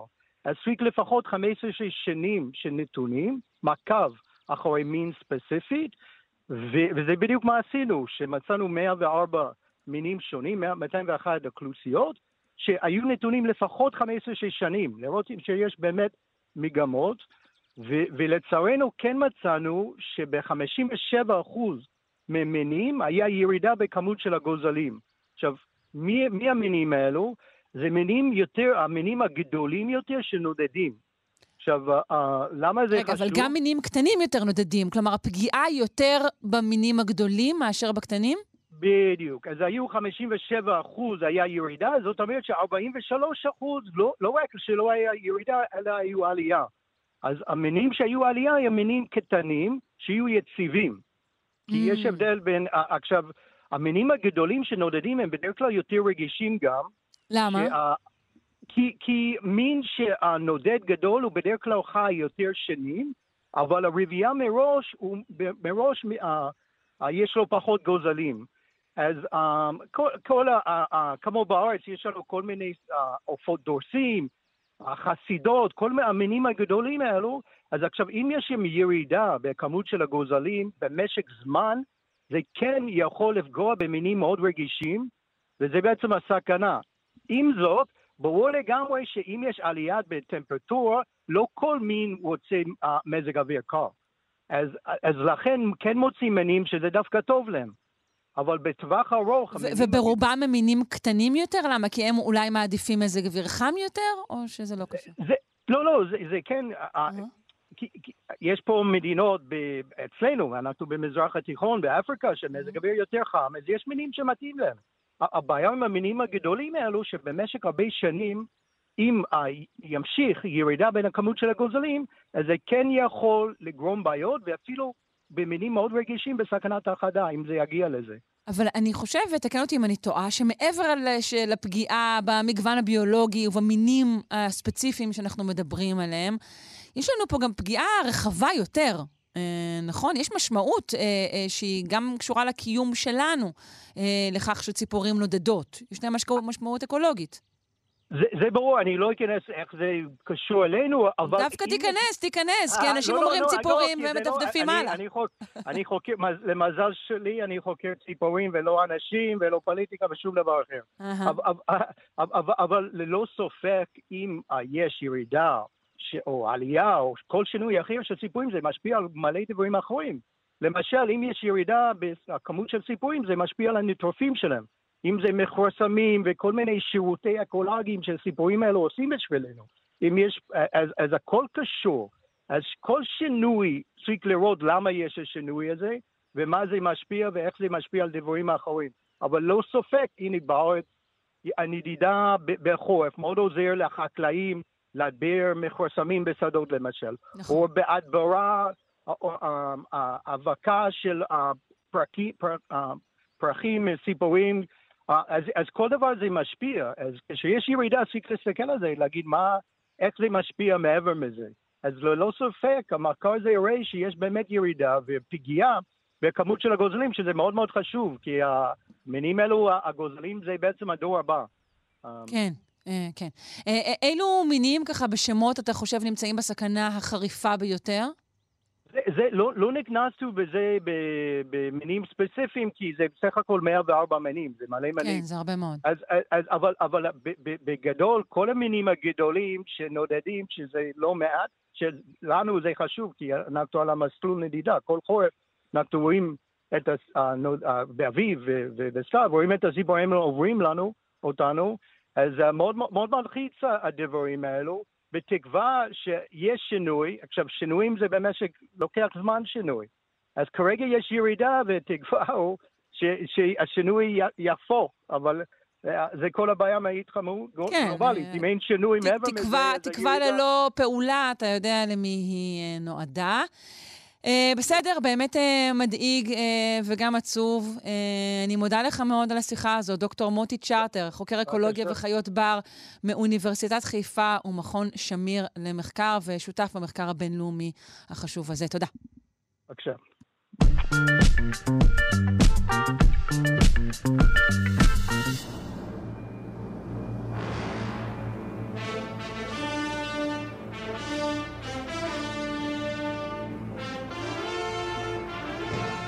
אנחנו עם פינת התנ"ך של הדוקטור אילן אבקסיס, הוא שדרן ההסכת דברי הימים, אנשים, אירועים, יצירות. אה, אותו אה, תוכלו למצוא עם תכניו הרעננים בכתובת ilanabc.co.il. שלום, בוקר טוב. בוקר טוב למאזינים ולך שרון. מה שלומך ערב חג מתן תורה? אה, אני כבר לבושה לבן, בוא אומר לך דבר כזה. הקדמתי כביסה על המכה. אוקיי, יפה מאוד, יפה מאוד. היום נמשיך ואף נגמור עם אנום האליש, הסיפור הבאמת הכה מרתק הזה. שהוא מיתוס, אה, מיתוס הבריאה הבבלי. הבבלי, בדיוק, בדיוק. ואנחנו בחלק האחרון שלו היום? כן, היום ניתן גז ונסיים את הסיפור הזה. הזכרנו okay. שיש חיילים לתיאמת בדוד מפלצות מזהות אימה ומטילות מגור, והנה הגנרל שיפקד את צבא תיאמת, האיש ה-12, זה קינגו, שלאחר אה, מות אפסו הוא, הוא מוגדר כדודי יחידי, כלומר אהובה הנוכחי של תיאמת, היה, שמע על תוכניות תיאמת ואץ רץ אל אנשה רבא שלו ודיווח לו על האסון המתרקם. רגע, מה, ב... מה היו התוכניות. שלה? תזכיר לנו. להרוג את כל האלים הצעירים, 아, ולכן להרוג את כל האלים הצעירים, ברור, כן. כן, והוא תיאר בצבעים קודרים את ההכנות לקרב, תוך אזכור היצורים המביטים, התנינים, הדרקונים, פטן כן. נחש בריח וכולי וכולי. האנשר הופתע, נעצב, אבל מיד מצא את מי להאשים, את אה כמובן, שאילולא אה הרג את אפסו, תיאמת לא הייתה מתרגזת, אה לא התרגש, והזכיר שאילולא הרג את אפסו, הדיון הזה לא היה מתקיים בכלל, כבר כי כולם היו מתים. אה, אנשר, אנשר שמע ודי השתכנע, אבל עדיין יש את תיאמת הזמן שצריך להרגיע. אז מי שיצר את הבעיה, בהחלט מוזמן לפתור אותה, ואה יצא להילחם בתיאמת, הוא יצא לכיוונה, ראה, נבהל מה קרה, עשה ויברח, מה שנקרא הפה של הרי נשמה של חתול. כמקובל במצבים האלה, לאה יש תירוצים לרוב, הוא הודה שהוא חלש מדי והלחשים שלו לא יעבדו, הוא ביקש מאביו לשלוח מישהו אחר. מי יעזור לב... לנו במצב הזה מול תיאמת? מה יהיה? בדיוק. שימי לב, שרון, לטיעון המסכם, ככה הוא אמר, כוח אישה, לו גם יחזק, לא ישווה לכוח גבר. מה אמרת? אמר, היא בסך הכל אישה ואנחנו גברים. עכשיו, די אירוני מפי זה שאח אתה נמלט ממש, מזה שבכלל לא היה יכול לעמוד בכל הדרקונים האלה. בדיוק. אוקיי. לא, לא, כאילו, הוא ברח מהאישה הזאת, והוא עצמו אה, מזלזל בה, הוא פשוט ברח. אה, אנשר הבין שהוא מה שנקרא כולו רוח וצלצולים. אז אה, מה שהוא עשה, הוא, הוא החלט לשלוח מישהו אחר, ואז הוא אמר, אני שולח את אנו, אנו זה הבן הבכור שלו, וגם אנו ברח ונבהל, וגם אנו הפציר באנשר לשלוח מישהו אחר, כי בסך הכל אישה, מה שנקרא הוא האירון, יש שני גברים שברחו ואומרים, היא בסך הכל אישה, אבל זה לא אנחנו. עכשיו שימי לב ש... הסיפור מודע לאירוניה, אגב, או שרק אנחנו... אני מניח שכן, אני מניח כן? שכן, אוקיי. כי הוא קצת... כי רוצים להכין את זה שלא יפחד מהאישה. אוקיי. עכשיו, שימי לב, שרון, לדגם שמוכר לנו גם מהמקרא, שניים פלוס אחד, שתי כישלונות והצלחה. למשל, נוח שלח את היונה פעמיים, ובפעם השלישית הוא הצליח. Okay, בני okay. יעקב ירדו פעמיים למצרים, ובפעם השלישית יעקב פגש את וכן הלאה, הדגם הזה מוכר. דגם הטסט אה, השלישי, כן. כן, עכשיו, המאזינים ידעו שאחרי שני הכישלונות תבוא הצלחה, והאמת אנחנו בשאלה כיצד זה יקרה. עכשיו, אה שיצר את הבעיה, בעצם הוא גם אחז בפתרון, הוא פנה לבנו מרדוך, ועודד אותו להתנדב למשימה. מרדוך לא היסס לרגע, עלה למעלה והתחיל להפעיל את קצריו על אנשר סבו. אנשר בשלב הזה היה כה נואש שבשלב שהוא כבר מוכן לשלוח גם את העיקר שמישהו יתנדב. מזכיר קצת את דוד וגוליית. עכשיו מרדוך הביא את מה שהאלים נזקקו לו יותר מכל. ביטחון עצמי הוא מוכן לצאת לקרב, אבל יש לו תנאי. אם הוא ינצח, אז הוא יהיה מלך האלים. אל זוטר שרוצה להיות ישר בקודקוד, ואם הוא יפסיד, אז זה לא משנה ממילא, כי הוא יפסיד, מה זה משנה? אוקיי, בסדר, אבל אה, דרישה, דרישה לגיטימית. לג, לגיטימי לחלוטין. האלים, אגב, אישרו את העסקה ומרדוך התבקש להוכיח את יכולתו בהעלמת ובריאת כוכב, והוא הצליח כמובן, ועכשיו הוא מוכיח שהוא גם אל וגם יכול, אל רציני וגם מפקד העליון לא, ללא כל עוררין. עכשיו, ולפני המלחמה צריך נשק לידוע. אז הוא יוצר קשת, חיצים מחודדים, עלה, ברק, רשת ורוחות. ושימי לב לרשימת הרוחות הדי מרשימה. עם חולו, שהיא רוח רעה, ורוח זלעפות, רוח סע, רוח ארבע, רוח שבע, רוח מתגורר, רוח ללא חת. בסך הכל שבע רוחות, הוא הכין מרכבה ורתם אליה ארבעה סוסים בעלי שמות די חינניים, המרצח, האכזר, הדורס, הוא בעל הכנף. ואתה... וואו. ארבעת uh, סוסי האפוקליפסה, אוקיי. ממש ככה. ועתה uh, שני הצבאות מוכנים להתמודדות, בצד אחד ניצב צבא אימתני של תיאמת עם שפע המפלסות המפחידות, והיצורים מטילי האימה, ומהעבר השני מרדוך עם צבא הרוחות הכבירות ומרכבות הקרב, ועם הסוסים מזרעי האימה. עכשיו מרדוך ראה את תיאמת וגם הוא נבהל. אבל חמור מכך, המלווים שלו ראו, ראו שהוא נבהל וברחו, הוא נפוץ לכל רוח. אוי. אבל הוא נבהל והתעשת מהר והבין שהוא פחות או יותר לבד, ללא האלים שיעזרו לו, אז הוא פנה לתוכנית ב'. בהבינו שלבד הוא לא יכניע צבא תיאמת, הוא הציע להשאיר את הצבאות מחוץ למשחק, ורק הוא ותיאמת יילחמו בקרב ביניים, דוד וגוליית כזה, או כמו במלחמת טרויה. תיאמת אפילו לא ענתה להם, מיד התנפלה על מרתוך, בכך היא בעצם קיבלה את ההצעה. שרון, בואי נקרא את שיא הקרב הדרמטי. כן. שימי לב מה כתוב, נפתלו בקרב הביניים, במלחמה נפתלו. פרס האדון רשתו והקיפה, שלח לנו פוניה את אימחולו, או רוח הרעה כזכור, שומר הקרבה, פתחה תיאמת פיה לבולעו, הביא, בשיא תיאמת הכוונה, את אימחולו לבד לסגור שפתיה, הרוחות העזות התעיינו קרסה, ויטפח קרבה, פיה פערה, ירח חוד חץ, פילח קרסה, קרבה ביתק, בקע ליבה, לחדה ונפשה אה, בלה, ואתה השליך עליה דרך. עכשיו תראו רק קרב קצת מאכזב, זהו, זה הסוף של תיאמת, היא, היא פולחה מכל כיוון. בדיוק, אבל זה, זה קצת מאכזב, כי מה שנקרא, הקהל טרם הספיק לחמם את המושבים, והקרב תם בנוקאוט מהדהד לטובת מרדוך. עכשיו, מכל כלי נשקו מרדוך השתמש בשניים, באם חולו, שנכנס אל תיאמת וניפח אותה, ובחטא שחורר אותה. זה מזכיר אגב סרטים מצוירים שאחת הדמויות מתנפחת, מתנפחת, מתנפחת עד שהיא מתפוצצת. נכון. משהו דומה קרה לזה. קרה כאן. עכשיו, מרדוך וידי הריגה בתיאמת, והנה מתחיל הקטע הרלוונטי, הרלוונטי לאנשי בבל הכוונה, נח האדון, בגבייתה התבונן, שיסה את הפגר למען בורו נפלאות, ויפלחנה כתדפה לשניים. חציה כונן ויקרא שמיים, נטע ירייה, משמר הציב לבד תגיר ממיה, ציווה עליהם. אה, אה, עליהם זה על העירייה ועל השמיים. גם כן. יחד מרדוך פתר באופן יצירתי אגב את השאלה מה עושים בגופת ימת. התשובה, בורים עולם. בורים עולם מהגופה הזו, בוודאי. מחלקים לשניים, בורים שמיים וארץ. מי לא ברא עולם מגופה או שתיים שהוא ביטר מדי פעם. זה א' ב'. והוא ביטר, הוא פשוט ביטר אותה לשניים, מחצית אחת יתר את השמיים, לא נאמר פה במפורש, אבל בהמשך, וגם עולה על הדעת שמהמחצית השנייה הוא כונן את הארץ. ולאחר בירת השמיים... איזה חצי הולך לאן, או זה... זה... כן, לא, העליון הולך... העליון הולך לשמיים? יש סדר? כן, מן הסתם, אוקיי. מן הסתם. עכשיו, אה, הוא ברא את השמיים, מילא אותם בתוכן, ומהחצי השני יצר את הארץ כאמור, וגם תופעות אקלים, אה, כוכבים, לוחות שנה וכדומה בזה. עכשיו, אה, מגופ, מגופת ימת, מרדוך המשיך לברוא עוד ועוד, זה סוג של פח, נס פח השמן.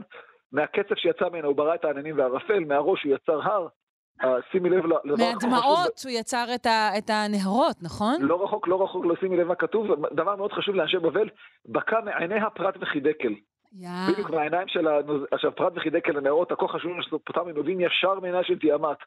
ועכשיו האלים המאושרים אשר המליכו את מרדוך אה, בעת צרה וצוקה, עכשיו לא התכחשו להבטחתם, ואישרו שוב את מלכותו עליהם. אה, אנחנו מכירים את המצב שהרבה אנשים מבטיחים מצב שקשה להם, מבטיחים משהו שקשה להם, וכשרווח להם אז הם מתכחשים פה, הם לא התכחשו. אה, לכאורה הכל בא על מקומו שלו, אבל יש בעיה. מרדוך ברא עולם מופלא, אבל למען מה? מה המטרה? מה התכלית? עכשיו, האלים והמתלוננים, שימי לב, מי יעשה מלאכתנו אשר עשינו לפנים, לפנים? במילים אחרות, מרדוך היקר ברא את העולם, וזה באמת יפה ומרגש, אבל שאנחנו האלים נעבוד? אנחנו? מה, מה, אולי תעשה משהו? מרדוך הקשיב, הוא באמת קשור למצוקת האלים, והגה רעיון, לברוא יצור, ליצור דמוי אלים שיעבוד במקום האלים ולמענם. הוא לקח את קינגו, הגנרל של תיאמת, הרג אותו, וממנו הוא ברא את העולם. כלומר, אה, יש באדם, יש רכיב אלוהי, והנה כי כן תמה הבריאה. יש עולם מתפקד, יש בני אדם שיעמלו תחת האלים, והכל מתקרב לסוף הטוב. הוא כאות תודה לפועלו, האלים ייסדו את בבל, בב אילום אה, שער האלים, ואת מקדשה המרכזי האפה גילה, שבו אה, המקדש של מרדוך, ולאחר שכולם מרוצים, יש לוח, יש לוח שלם שמונה את 50 שמותיו של מרדוך.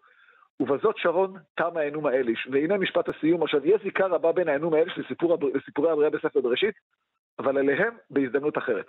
וואו, איזה בומבה היה שם הסיום הזה.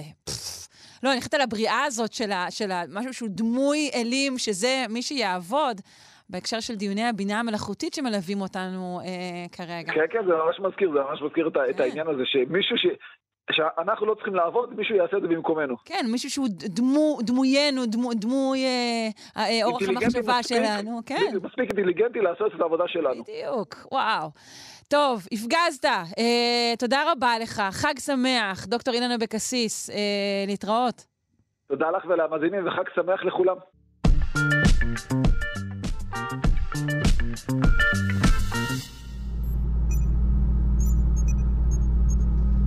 כיצד מלנומה מעצבת את הסביבה שלה כדי להתפשט בגוף? תגלית חדשה בתחום תוביל, כך מקווים, אה, לפיתוח חיסון כללי. כנגד, כנגד הסרטן הקטלני הזה נפנה לפרופסור כרמית לוי מהמחלקה לגנטיקה של האדם אה, וביוכימיה בפקולטה לרפואה באוניברסיטת תל אביב. שלום, בוקר טוב. בוקר טוב. יופי, שמחים מאוד uh, לשוחח איתך. Uh, בואי ספרי לנו על פריצת הדרך הזאתי. זה מאוד נחמד, כי זה בעצם לגלות אה, מבין חומרים שקיימים היום, כל מיני ביופסיות שקיימות אה, של מלנומה, את יודעת, כל מיני אטיפיקל ניוואי, אה, נקודות חן מוזרות שמוציאים אותן, וכל מיני ביופסיות, יש הרי ארכיונים שלמים של תמונות, וכשמסתכלים על התמונות האלה, פתאום מזהים איזה משהו, איזושהי התרחשות, בחלקים הפנימיים יותר של העור, בדרמיס, בדיוק מתחת למלנומה. Mm-hmm. ואז מהתבוננות כזאת אפשר להבין שהמלנומה בעצם משפיעה על, ה, על הדרמיס, על החלקים התחתונים, ובעצם זה מה שחקרנו כאן, וראינו שהיא מתכונ... מכינה את האזור לקראת התפרצות, לקראת התפשטות, כי החלק שכל עוד המלנומה גדלה באפידרמיס, בחלקים העליונים של העור, אפשר להסיר את זה, זה לא, זה לא החלק הבעייתי במחלה. כן. ברגע שהיא מידרדרת או אה, חודרת פנימה לשכבות הפנימיות, שם ה... יש לה את ההזדמנות להתפשט ולייצר גרורות, שזה החלק האגרסיבי. כן. מה היא עושה אז, קודם אז כל באפידרמיס? מה, מה היא עושה בכלל בשלב הראשוני, המלנומה? תראי, זה, זה סרטן שמתחיל מתא מלנוצית, שזה התא שמייצר לנו את הפיגמנט. החילוף של תא נורמלי לסרטן, את יודעת, זה חידת החידות. לפעמים זה קרינת שמש, לפעמים זה מוטציות, לפעמים זה מוטציות אה, מורשות, כן? כן. אה, לפעמים זה לא ידוע. כן. אה, אז, אז יש את, את ההתפתחות הזאת, הסרטנית הראשונית, מתא נורמלי לתא סרטני. כן. עכשיו, כל עוד היא בתוך האפידרמיס, היא גדלה וגדלה וגדלה. זה נראה מבחוץ לפעמים כמו נקודת חן לא נורמלית כזאת, אמ, משנה את הצבע, את הצורה, מגרד, דברים שבדרך כלל אנשים רצים איתם לרופא ומסתכלים על זה. כן. אה, דרמטולוגים, שושי גרינברגר, האלופה שאיתה, זה מאמר בשיתוף פעולה איתה, פרופסור גרינברגר משיבא, אז היא דרמטולוגית, כן, אני חוקרת. זהו, אנחנו לכן מנסים להבין בעצם איך היא מגיעה, איך היא מגיעה לתאי הלימפה. תראי, בתוך הדרמיס, כולם יודעים שכשעושים פילינג של העור, כל מיני טיפולים קוסמטיים, אפשר להוריד את כל השכבות העליונות ולא יורד דם. אוקיי, כל האפידרמיס שלנו, החלק העליון של העור, mm-hmm. אפשר לקלף אותו, לא יורד דם, כי הוא לא, הוא לא, אין בו כלי דם. כן. אוקיי, כל החלק העליון. בחלק הפנימי, הדרמיס, שם יש כלי דם, שם יש כלי לימפה. זה הצינורות, זה מערכת ההנאה והשינוע של כל הגוף. וברגע שהסרטן נכנס לדרמיס, שם נפתחות לו כל האפשרויות. מבינה? בשביל, ואז הוא יכול אוקיי, להיכנס או למערכת הלימפה, מה, מה המלנומה עושה, מה המלנומה עושה? איך היא משנה את הסביבה כדי לאפשר את הדבר הזה? הבנתי שהיא מפרישה בועיות כלשהן? כן, אז היא מפרישה בועיות. אנחנו לפני כמה שנים כבר הראינו שהיא מפרישה בועיות ומשפיעה על הדרמיס, על התאים שקוראים להם פיברובלסטים, כשישלחו לה פקטורי גידול ושהיא תוכל לשגשג. עכשיו גילינו שהיא שולחת בועיות, ומה שהבועיות האלה גורמות זה לשגשוג של כלי דם בדיוק מתחת לסרטן, של כלי לימפה. אוקיי? זה קוראים לזה לימפוג'נסיס. Mm-hmm. אז היא שולחת את הבועיות האלה לדרמיס, כלי הלימפה מתחילים להתרבות ולהתרבות בדיוק מתחת למלנומה, וברגע שהיא תחדור מהאפידרמיס לדרמיס, יש לה פי עשר יותר אפשרויות להתפשט לתאי הסרטן. מבינה? Mm. אני עוברת כן, כן, ממסחר לנקבה. יש, יש פי עשר יותר הזדמנויות לה- להתפשט, וזו ההכנה. זה, זה חלק, וזה קטע שאפשר למנוע. את את מבינה? הקטע זה היופי הזה, פה. הקטע שבו היא בעצם מכינה לעצמה את המצע הטוב לגידול, זה הקטע נכון. שבו אפשר להתערב?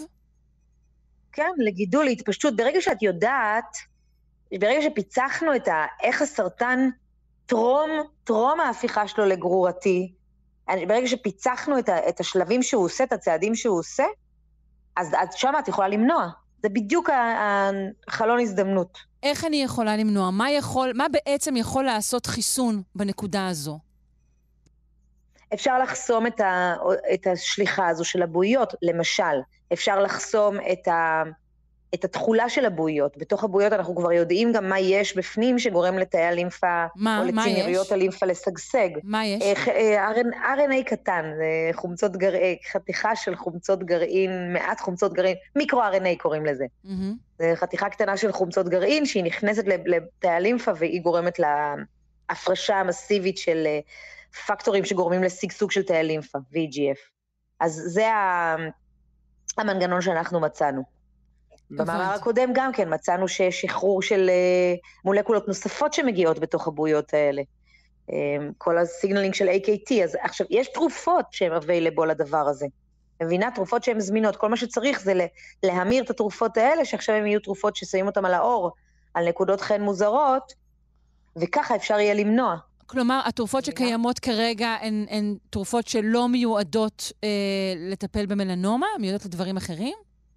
כן, כן. Mm.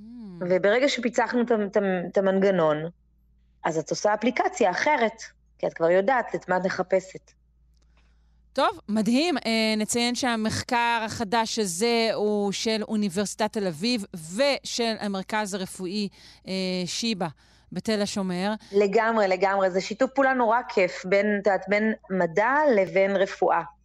כן, אז אה, זה ונחכה, בדיוק מה שמייצר את כל הקסם הזה. כן, ונחכה להמרה אה, הזאת של התרופות אה, למשחה בעצם, נכון? הלוואי, כן. יופי. כן. אני מאוד מודה לך, זה כרמית ייקח לוי. זמן, כן? זה כן, ייקח כן, זמן. אני, ברור לי, אני מקווה שזה יקרה בימיי. תודה רבה. כן, בדיוק. יאללה. פרופסור כרמית לוי. ביי, מהמחלקה לגנטיקה של האדם וביוכימיה מהפקולטה לרפואה באוניברסיטת תל אביב. ביי ביי.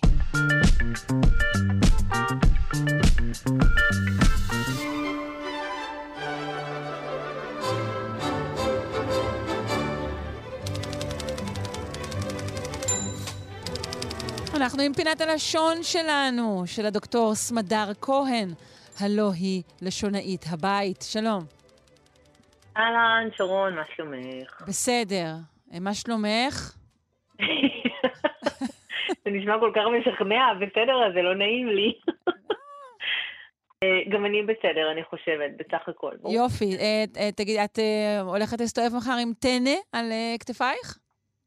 כן, אני היום הולכת, אני מקווה להסתובב עם טנא על כתפיי, אני הולכת היום, אני מקווה, לציין 90 שנה לעליית הנוער בכפר הנוער בן שמן, אה, שחוגג גם הוא איזה 95 שנה לייסודו. וואו. ושם תהיה חגיגת הבאת ביקורים, כמו שיש בכפרים ובמושבים ובקיבוצים. רגע, איפה זה. נערך, החגיגה? כפר הנוער בן שמן, רוצה לבוא? בואי. כן, אני, אני חושבת להגיע, נהדר. יאללה, בואי, מזמינה אה, אותך. יופי, אני מאוד אוהבת אה, טנא, אני אוהבת להכין טנא, אני אוהבת כל הקטע של טנא. אה, באמת, משוגעת על טנא, אבל מהו. מקור המילה טנא? כן, אז בואי נדבר באמת על טנא. טנא זה באמת, אה, זו באמת מילה אה, מעניינת, כי היא קיימת אך ורק בשפה העברית מצד אחד, כלומר אין לה מקבילות בשפות השמיות האחרות. ומצד שני, מה שעוד מעניין בזה שהיא נמצאת בעברית כבר מראשיתה, זאת אומרת, ממש יש לנו כבר במקרא טנא, ובמשמעות הספציפית הזאת של להביא באמצעותו ביקורים לבית המקדש בחג השבועות. זאת אומרת, באמת, הדבר הזה נולד ונשאר כפי שהוא. אנחנו כבר דיברנו הרבה פעמים אה, בתוכנית שלנו, על, אה, בפינה שלנו, על זה שמילים הרבה פעמים משנות משמעות, עוברות מעתקים, גלגולים, כל מיני שינויים עם הזמן, עם הטכנולוגיה, עם הקדמה. המילה טנא הייתה ונותרה אה, דבר אחד, סל, בדרך כלל סל שעשוי נצרים. אה, שבו מביאים ביקורים, כלומר את הבכורות, את הפירות הראשונים המבקירים, האלה הגדולים, כן? כמו שיש בן בכור, שהוא הראשון שנולד למשפחתו, אז גם אלה הפירות הבכורים במטע, או השיבולים הראשונות בשדה אה, וכולי. זאת אומרת, אנחנו מדברים באמת על הפירות, הראש... על התבואה והקציר והבציר הראשונים שיש לנו אה, לחקלאים, שמביאים אותם לבית המקדש, המטרה היא להביא אותם לכהנים. ואולי אה, מה שחשוב עוד לומר, זה כמובן, אנחנו בעצם מסיימים באמצעות חג השבועות והטנא, שאנחנו מביאים, אנחנו מסיימים את ספירת העומר שכבר דיברנו בה. אה, הגענו לשבעת השבועות שהתחלנו לספור ביום שאחרי חג הפסח, אה, ועכשיו בעצם המצווה שלנו היא ראשית ביקורי אדמתך תביא בית אדוני אלוהיך. ואיך, ממש כתוב איך בדיוק, ולקחת מראשית כל פרי האדמה, אשר תביא מארצך, ושמת בטנא, והלכת אל המקום אשר יבחר השם. זאת אומרת, ממש, אה, ממש כבר בתורה אנחנו מוצאים את ההנחיה המפורשת של איך בדיוק אה, עושים את המצווה אה, הזאת, זאת מצוות עשה מן התורה.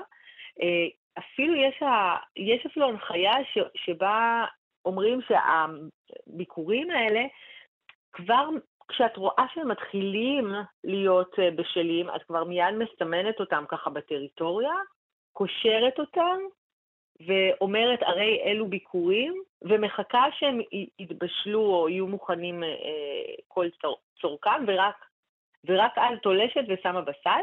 והרעיון היה לאתר את הסל. אמרת, יתבשלו לא, לא התכוונת לבשל אותם, אלא יבשילו. אוקיי, כן, אוקיי. נכון. אנחנו לא רוצים לבשל את הביקורים האלה. הבניינים האלה בעברית, כן, כן, הם קצת מעצבנים, נכון. נכון. אה, אה, נכון, ונגיד אולי רק עוד אה, משהו אחד על הטנא הזה באמת, באמת אין מילה מקבילה כזאת בשפות השמיות, אז לכאורה היה קשה להבין את המשמעות שלו, אף שנאמר שבעצם צריך לשים בתוכו פירות, אבל היינו יכולים נגיד לשער שזו ואזה, או היינו יכולים לשער שזה, שזה מין סל אה, מבד, נגיד. כן, אולי זה, אולי זה איזשהו פאוץ'. אולי פאוץ', אולי עגלה, אולי כרכרה, אולי כאילו באמת, אולי חמור. נכון, אז איך, איך, איך הגענו לפירוש הזה? אז אנחנו באמת מוצאים שיש מקבילות בשפות השמיות האחרות, אבל בדמות מילים אחרות. למשל, בערבית אנחנו מוצאים סטילה, שזה סל. Mm, בארמית אנחנו מוצאים סל, אבל שכתוב בסין. אבל אנחנו יודעים שיש לנו העניין הזה של החילופים בין סין לסמך, למשל סלוניקי, כן. שאנחנו מכירים, כותבים כך וכך. אבל אין שום אז, מילה אז... שמזכירה טנא. לא. לא. יש לנו בארמית של, ה... יש לנו בארמית של התלמוד אה, צורה בצדי, צנא, אבל היא לא בדיוק בדיוק המקבילה של טנא, אה, אז קצת קשה לנו להגיד שזה איזה יופי זאת שפה רווחת בשפות השמיות, או זאת שפה, או סליחה, זאת מילה רווחת בשפות השמיות, או זאת מילה שבאה מן הפרוטושמית, מהשפה המקורית. היא פשוט נוצרה, אנחנו מוצאים אותה פשוט בתנ"ך בפעם הראשונה, וכבר שם בתנ"ך היא שימשה במשמעות הייחודית הספציפית הזאת לסל מיוחד שבו מביאים העולים, אה, עולי הרגל, את ביקורי התבואה לבית המקדש בחג השבועות. זאת אומרת, ממש אם את פותחת את המילון, את מחפשת את המילה טנא, זה מה שאת מוצאת, הסל הספציפי, המיוחד, המסוים הזה, שבו מביאים אה, ביקורים לבית המקדש. היום אין לנו בית מקדש, אין לנו המצווה הזאת כבר בעצם, כי למעשה זאת מצווה שתלויה במקום, אם אין בית מקדש אין אפשרות לקיים את המצווה הזאת, אבל עדיין כל ילד וכל ילדה מביאים אה, טנא ביום אה, חג השבועות או יום לפני לגן או לבית הספר. וזה בעצם סוג של זכר למצווה, זה לא המצווה עצמה, כי אתה לא באמת מביא את הפירות הראשונים, אתה מביא פירות ראשונים שעוד לא אכלת, אבל לא דווקא אלה שהזכירו אה, ראשונים. אמ, אה, למעשה, אה, בסוף השעה הקודמת, אורי פינק טען שהביקורים הם, הם פירות לא משהו בסך הכל, שהם הראשונים של העונה. זה די, זה די הגיוני, את יודעת, הם הראשונים של העונה. זה נכון, והם, הם, את, כפי שכבר אמרנו גם, את, את מסמנת אותם עוד לפני שאת רואה שהם הכי טובים שיש. את, את רואה שהם אלה שהנצו ראשונים, אלה שהתחילו להחליף צבע ראשונים. כן, לא, זאת אומרת, ההקרבה הזו, לא זה לא, זה סתם של הפירות, את יודעת, סתם הראשונים, לא הכי טובים. נכון, יש פה משהו מאוד סמלי, כמו שאנחנו יודעים שגם הבכור שנולד, להבדיל, גם ילד בכור שנולד, אה, אה, צריך לעשות אה, לו פדיון הבן. יש כאן איזה משהו סמלי על זה שהראשונים שייכים, שייכים קודם כל לאל, ורק אחרי זה... כן, זה קשור לראשוניות ולא, ולא לאיכות. נכון, נכון. יש פה משהו של, זה קצת כמו מצוות מעשר, את פשוט מפרישה אותם כדי להגיד שאת ואלוהים אה, חולקים בעצם ב... אה, בתבואה, שהרי זה לא, לא, על פי האמונה בעולם העתיק, לא, לא היה אפשר שהשדה אה, יצליח כל כך, או שהפירות יבשילו כל כך, אלמלא היה מעורב כאן רצון, האל, סליחה, וזאת בעצם הדרך להגיד, אנחנו שותף, אה, במידה אה, רבה. אה, אולי רק נגיד שאם כבר מדברים על טנא, אז אחד השירים המוכרים והידועים זה כמובן פרי גני נאבט אם לא הטנא רב פאר, שכתב אותו שמואל באז, זה אחד השירים היפים שיש לנו בהם טנא, לעומת סלנו על כתפינו, שיש לנו שם סל. סתם סל, כן. כן, שזה, שזה קטע. במשקל היה אפשר להגיד תנאנו, שזאת ההטייה הנכונה, לא תנאנו, תנאנו נכון. על כתפינו. נכון, אני חושבת שאת צודקת, אה, היה אפשר כי זה באמת אה, אותו, אה, אותו סוג של מבנה לכאורה. אני חושבת שהיה, אני חושבת שאלה ש, שכשחיברו את צבענו על כתפינו זה היה כבר תקופה יותר מאוחרת וגם הייתה מטרה להפוך את זה לקצת יותר נגיש. בטנא, בפרי גנין הבאתי, מי שחיבר אותו זה, זה שמואל בס וכתב את המילים, ושרה לוי תנאי אה, שהלחינה אותו. שניהם אה, מחנכים בראשית המאה ה-20, סוף המאה ה-19, אה, בראשית תחיית העברית, כבר דיברנו על זה לא אחת. צורך גדול היה פה בראשית הציונות ליצור שירי ילדים בעברית, כי לא היו כאלה.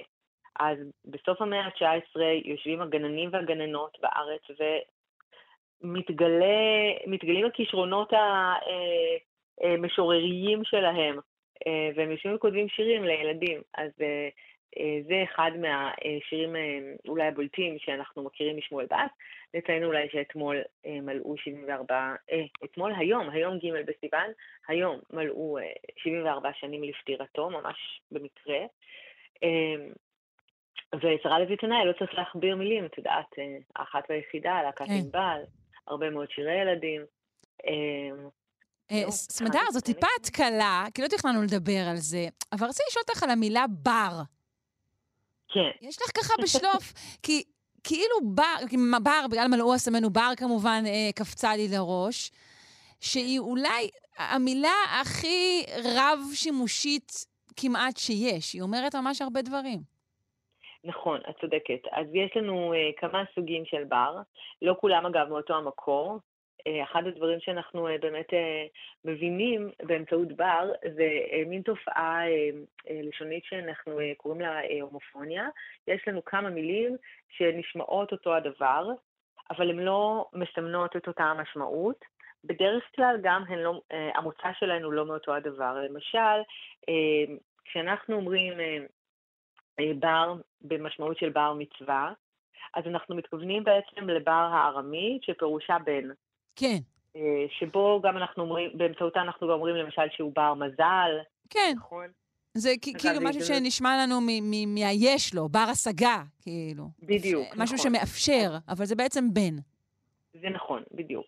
אז, אז, אז זה בן השגה גם, במשמעות הזאת, זאת אומרת כזה שהוא כבר אחז בתכונה הזאת, כבר יש לו התכונה הזאת. Mm-hmm. אולי זו הזדמנות להגיד שהנקבה של בר מזל היא לא ברת מזל, אלא בת מזל. נכון. אה, לא מצאנו במקורות שלנו. ומה לגבי צורת רבים? אה, אז, אז אפשר להגיד ברי מזל, אה, כי מצאנו באחד מהמקורות אה, שלנו ברי. זאת אומרת, העניין שלנו, כידוע לך, אנחנו, כשאנחנו מחליטים מה, מה כן ומה לא, מה מותר ומה אסור, אז זה בדרך כלל מושתת על מה יש לנו במקורות הקדומים ביותר של העברית. אה, לא מצאנו ברת מזל אה, במקורות שלנו, כן מצאנו בר וברי, ולכן בעצם אנחנו אומרים, לא צריך, אי אפשר לומר, לא, לא התפתחה הצורה הזאת אז, אז לא, אז לא לפתח אותה היום. כמובן, mm-hmm. יש האומרים שנכון שהיא לא התפתחה אז, אבל, אבל ניתן לגזור כי השפה מתקדמת. בדיוק, ו... כן. בדיוק, נכון. וגם okay. יש איזה אה, מאמר נחמד מאוד שכתב אה, מי שהיום הוא פרופסור, אורי מור, על ברת מזל, והוא אומר, אפשר להגיד, אפשר להגיד ברת, רק שצריך לומר ברת, והוא אומר, אפשר כי הוא מצא איזו עדות למשהו דומה לזה בתעודות ים המלח. אז, אז אם אנחנו לא דבקים רק בתורה, במשנה ובתלמודים, אז בעדויות חוץ למקראיות כאלה יש לנו אה, אחת או שתיים כאלה, ואז יכול להיות שפשוט באמת, כמו שבימינו, בשפה המתהלכת, המדוברת, היה השימוש הזה, אבל הוא לא תועד אה, בשפה המופתית נגיד. כן. אז אם אנחנו רוצים להיות ככה 100% על הצד הנכון, אנחנו אומרים בר מזל אה, ובנקבה בת מזל. נכון. אוקיי. והדבר האחר, אה, הבר האחר שלנו, הוא הבר שהוא התבואה הקשורה באמת למלוא הסמן ובר. הוא לגמרי מן העברית, אנחנו מוצאים אותו כבר במקרא. Uh, והעניין של הבר הזה זה אולי רגע לדבר גם על הביטוי uh, לבור את הבר... מוץ מן התבן. מן... Mm-hmm. נכון, אז, אז, אז לבור את המוץ מן התבן זה בדיוק הלא נכון. כי מוץ זאת הקליפה של השיבולת, ותבן זה גם הקליפה, זאת אומרת, זה שניהם אה, הדברים סתם... הלא טובים. אוקיי, סתם, סתם אה, בררתי פה את שני הדברים בדיוק. שאני צריכה להשליך. Mm. בררת בין, בין, בין, אה, בין אשפה לאשפה, נכון. אוי. יש, זה אמנם שני סוגים, אפשר לומר שהתבן הוא יותר הגבעולים, והמוץ הוא יותר הקליפות של השיבולת, אבל... או של גרגירי השיבולים, אבל לא בזה ולא בזה אנחנו רוצים, לא מזה ולא מזה אנחנו רוצים להכין חיטה. אה, אז איך צמח ה... אני מה, טעיתי בציטוט? לא, אנשים אומרים ככה, כן, לעבור את המוץ מן התבן. נכון, נכון, אנשים אומרים, ובטעות, בעיקר משום שהם לא מכירים כבר כל כך את המילה מוץ. כן, אנחנו כאילו פחות. משתמשים במוץ. בדיוק, מוץ. וזה נשמע נורא יפה, אז בטוח שברים את זה. אה, אז, אז, אז לא. אז אנחנו אה, אה, הולכים לעבור את הבר מן התבן, וזה גם קל לזכור, כי אנחנו ברים. אה, לעבור את, את הבר, זה די, די הגיוני. נכון. זאת התבואה בעצם, זה הגרגירים של הדגנים. אה, אחרי שהפרדנו אותם אה, מן המוט. זה הבר השני. כן, אבל, זה, אבל מה שהכי מעניין זה האם יש קשר בין הבר הזה, בר התבואה, לבין הבר של, של הצמח בר.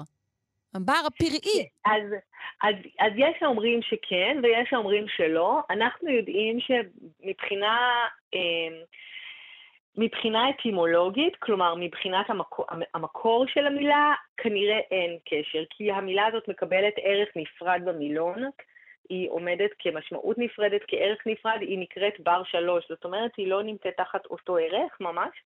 אה, ואנחנו מכירים את הבר הזה במשמעות של שדה, יכול להיות שזאת בעצם הרחבת משמעות כזאת שאנחנו מכירים כי התבן או, ה, או הגרגירים צומחים בשדה, ואז אה, סוג של מטונימיה, שאנחנו כן. קוראים כן. לשדה על שם, ה, אה, על שם הדבר הצומח בו. על פי מיטב ידיעתי, זה לא, אה, אה, זה לא באותו המקור האטימולוגי, אבל אני, אני אבדוק את זה שוב כדי לא להגיד סתם דברים. אה, ויש לנו עוד בר אחד. עוד בר אחד, יש כמובן את הבר, את הבר השכונתי, אה, שבו אנחנו מסיימים את יום העבודה נכון, שלנו. נכון, גם, גם אותו, נכון, אבל הוא כבר ממש ממש ברור לנו שהוא לא מן העברית ולא משפות שמיות, אלא הוא מן משפות אירופה. אבל יש לנו עוד בר אחד שהוא מתוך השמיות, והוא למשל, באמת שלא נדע, בר מינן. אה, בר מינן זה לא כמו בן מינן, זה לא אותו בר? לא, בר מינן זה כמו אין תוכו כברו, ש... למשל. אה, שגם זה משהו אחר, נכון? אין תוכו כברו. נכון. אז זה לא אומר שהפנים שלו אינו תואם לטבע הפראי שלו, כפי שחשבתי. זה בר לא. נפרד לגמרי. זה בר נפרד לגמרי, זה בר ארמי גם הוא, נוסף, והוא פירושו חוץ. חוץ אה, כלומר, אה, בר מינן וחוץ מאיתנו, כלומר מי שמת, כן, שלא נדע, מי שמת, הוא כבר חוץ מאיתנו, הוא כבר לא כמונו, הוא כבר לא בינינו בעצם, אם אנחנו כן. מפרשים את זה סמנטי. או אין תוכו כברו, זאת אומרת, מה שאתה רואה מבחוץ לא דומה למה שבפנים. זה מה שנקרא, אל תסתכל בקנקן, אבל מהצד השני שלו. יש כאן מלבר ומלגו, את בטח מכירה גם את זה, יורם גאון מאוד אוהב לצטט מכתב שכתב אביו למנהל בית הספר שלו, כשהוא היה ילד לא, איך נגיד בעדינות, לא פסגת הלימודים, uh-huh. והאב, ואביו כתב למנהל בית הספר שהוא מרגיש שהילד מתרשל בלימודיו, והוא כתב שהוא לא משקיע במחברות שלו, שנראות רע מלגו ומלבר. כלומר, גם מבפנים וגם מבחוץ. וואו, מלגו ומלבר? אוקיי. אני אחשוב איך, איך לשלב את זה, ממש בקרוב. זה רעיון ממש ממש טוב. נהדר, נהדר. Uh, טוב, דוקטור סמדר כהן, וואו, הנעמת את זמננו. אני מגלה, לך בסוד שגם האקדמיה ללשון העברית אומרת לנו, אכן הבר הזה של השדה הוא בר אחר, הוא בר אחר מהבר ה... הבר של... Uh, של התבואה. של התבואה, כן. כן. משמעות אחרת. יפה. כלומר. יפה, אז uh, שיתמלאו אסמייך, דוקטור סמדר כהן, לשונאית הבית. חג שמח. ביי ביי. חג שמח.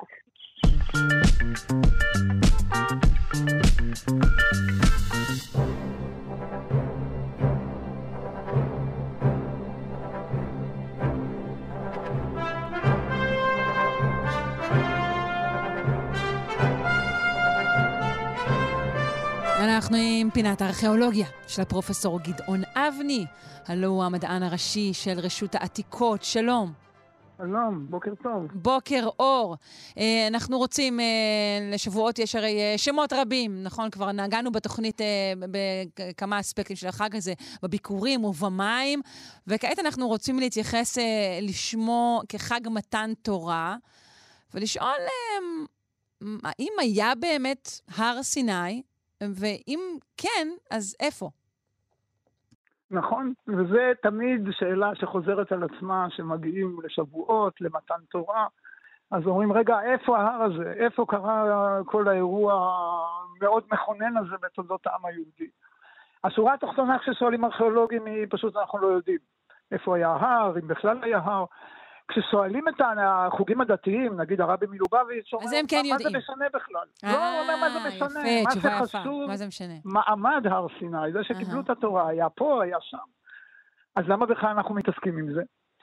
ופה צריך ללכת 1,500 שנה קדימה ממעמד הר סיני, איפה שהוא לא היה, ולהגיע לתחילת התקופה הביזנטית ולדמות מאוד משמעותית, דמות נשית מאוד משמעותית, הקיסרית הלנה. האימא של הקיסר קונסטנטין, שהכניס את הנצרות לאימפריה. ולנה הייתה אישה מאוד מעשית, היא יצאה למסע צליינות בארץ הקודש, והיא הייתה צריכה לסמן צלבים על המפה. כי היא פתחה בעצם תנועה ענקית של צליינות, ובין שאר המקומות היא זיהתה בביטחון מוחלט ובלי כל אפשרות לטעות את הר סיני בדרום סיני, איפה שאנחנו רואים אותו היום, ג'בל מוסא, הר משה, מעל למנזר סנטה קטרינה. Mm-hmm, כן. ובעצם מהנקודה הזאת אנחנו אומרים, רגע, הר סיני זה שמה, אולי זה לא שמה, אולי זה מקומות אחרים. וכמו שאמרתי, כשהולכים לשלל ההצעות למיקום של ההר, התחילו כבר במאה ה-19, שמים אותו בסיני ובנגב ובערב ואפילו במדבר סהרה. אפשר להגיד על כולם שנגיד, איך נגיד, לא ממש מבוססות, או אולי ממש לא מבוססות. אבל לחלקם יש איזשהו תיקוף אה, ארכיאולוגי? אז התיקוף הארכיאולוגי המאוד מאוד משמעותי, אה, הוא באמת מאתרי התקופה הביזנטית, לא מאתרים של אה, זמן יציאת מצרים, שמהם אנחנו לא מכירים שום דבר במרחב שבין מצרים לארץ ישראל. אבל כשאנחנו כן באים לדרום סיני, באים לתקופה הביזנטית, שם הארכיאולוגיה מדברת בגדול. גם הזיהוי של ההר, גם שבילים שנבנו באותה תקופה, גם תאי התבודדות לנזירים, שברגע ששמו את הצלב על המפה בדרום סיני, מיד התחילו לבוא לשם צליינים, נזירים, לבנות מנזרים, והשיא כמובן מנזר סנטה קטרינה, שנבנה כן. במאה השישית, אז כבר לא היה שום ספק, זה הר סיני, צריך לסמן אותו, לבנות את אחד המנזרים היותר מרשימים בכלל בעולם הנוצרי. ובעצם מאז אנחנו מסתכלים על דרום סיני כמקום נגיד האולטימטיבי. אבל אוקיי, אז כל הזיהויים שאתה מציע, זה מזהים את הזיהוי, לא את המקור. בדיוק. הולכים על הזיהוי ואומרים, אוקיי, זה צריך להיות שם, הם הלכו 40 שנה במדבר, ממצרים, לארץ ישראל, חנו פה, חנו שם. אבל אם אומרים, חוזרים שוב לארכיאולוגים, ואומרים, אוקיי, תביאו לנו הוכחה, איפה המקום הזה היה?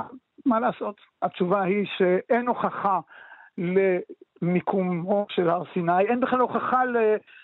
לתנועה של בני ישראל במדבר, נדמה לי שדיברנו על זה באחת כן, הפינות הקודמות. כן.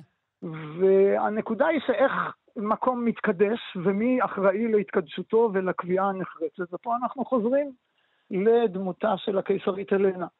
כן. ובעצם רק בזכותה אנחנו היום אה, מסתכלים על המרחב הגדול הזה של סיני ואומרים, רגע, הר סיני אולי הוא פה, אולי הוא שם, ונשארים עם אותו הר אילו, מאוד יפה. אילו עוד מועמדים uh, בולטים, אולי אתה יכול uh, uh, לנקוב בהם, uh, מועמדים בולטים לכתר של הר סיני עלו לאורך השנים? אז אני יכול לנקוב במועמדים שעלו, נגיד, אולי יותר בצד התקשורתי או מידע, או מודעות הציבורית. כמה מקומות בסיני, במערב סיני, ג'בל הלל, שזה הר מאוד גבוה, שרואים אותו גם מהנגב. בשנים, נגיד, ב-20 השנים האחרונות התפרסם הר כרכום, שנמצא אצלנו בנגב המרכזי, עם הצעה לזהות שרידים על ההר ומסביבו כתחנות של בני ישראל, אבל שוב, כמו שאמרתי, כשמסתכלים על הבסיס הארכיאולוגי האמיתי להצעות האלה, אנחנו משייטים בחלל, אין לנו אה, בסיס עובדתי, וזה לוקח אותנו גם לשאלה אם אה, סיפור מציא, יציאת מצרים אה, זה מיתוס שהתגבש, זה אירוע שקרה באמת, אה, אבל אה, בסופו של דבר, כשאם אני לוקח את זה למימד באמת הציבורי הרחב, אז הארכיאולוגיה היא קצת בצד, החשיבות של מעמד הר סיני מבחינה דתית כמובן היא אה, מאוד מרכזית. וזה אולי עוד דוגמה לאיפה הארכיאולוגיה יכולה לתרום, איפה היא יכולה לא לתרום, ואיפה היא צריכה להגדיר את הגבולות. כן. זאת אומרת, אם שואלים אותנו על התקופה הביזנטית, בוודאי שלארכיאולוגיה יש תרומה מכרעת.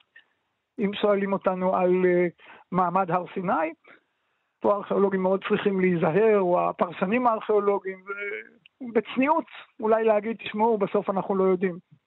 אין לנו נתונים אה, אה, שיוביל אותנו לאיזשהו כיוון בסוגיה הזאת. יפה.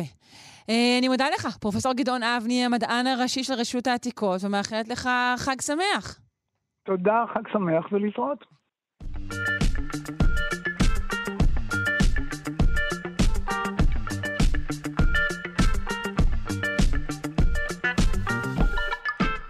עד כאן, שלושה שיודעים לבוקר זה. אני מקווה שנהניתם ושהתעניינתם. עורכת אותנו אלכס לויקר, על ההפקה היום טל ניסן ועמרי קפלן. אה, על הביצוע הטכני, דימה קרנצוב. אני שרון קנטור, מזמינה אתכם להישאר ולהאזין לגם כן תרבות עם גואל פינטו ולשלל התוכניות הטובות שיבואו אה, גם אחריה. Uh, עדיין, uh, התקלה לא מאפשרת להאזין לנו uh, בכל מיני uh, פורמטים רצויים, אבל אתם מוזמנים, כרגיל, גם לשידור החוזר שלנו, שלושה שיודעים, בשעה שמונה בערב. להתראות.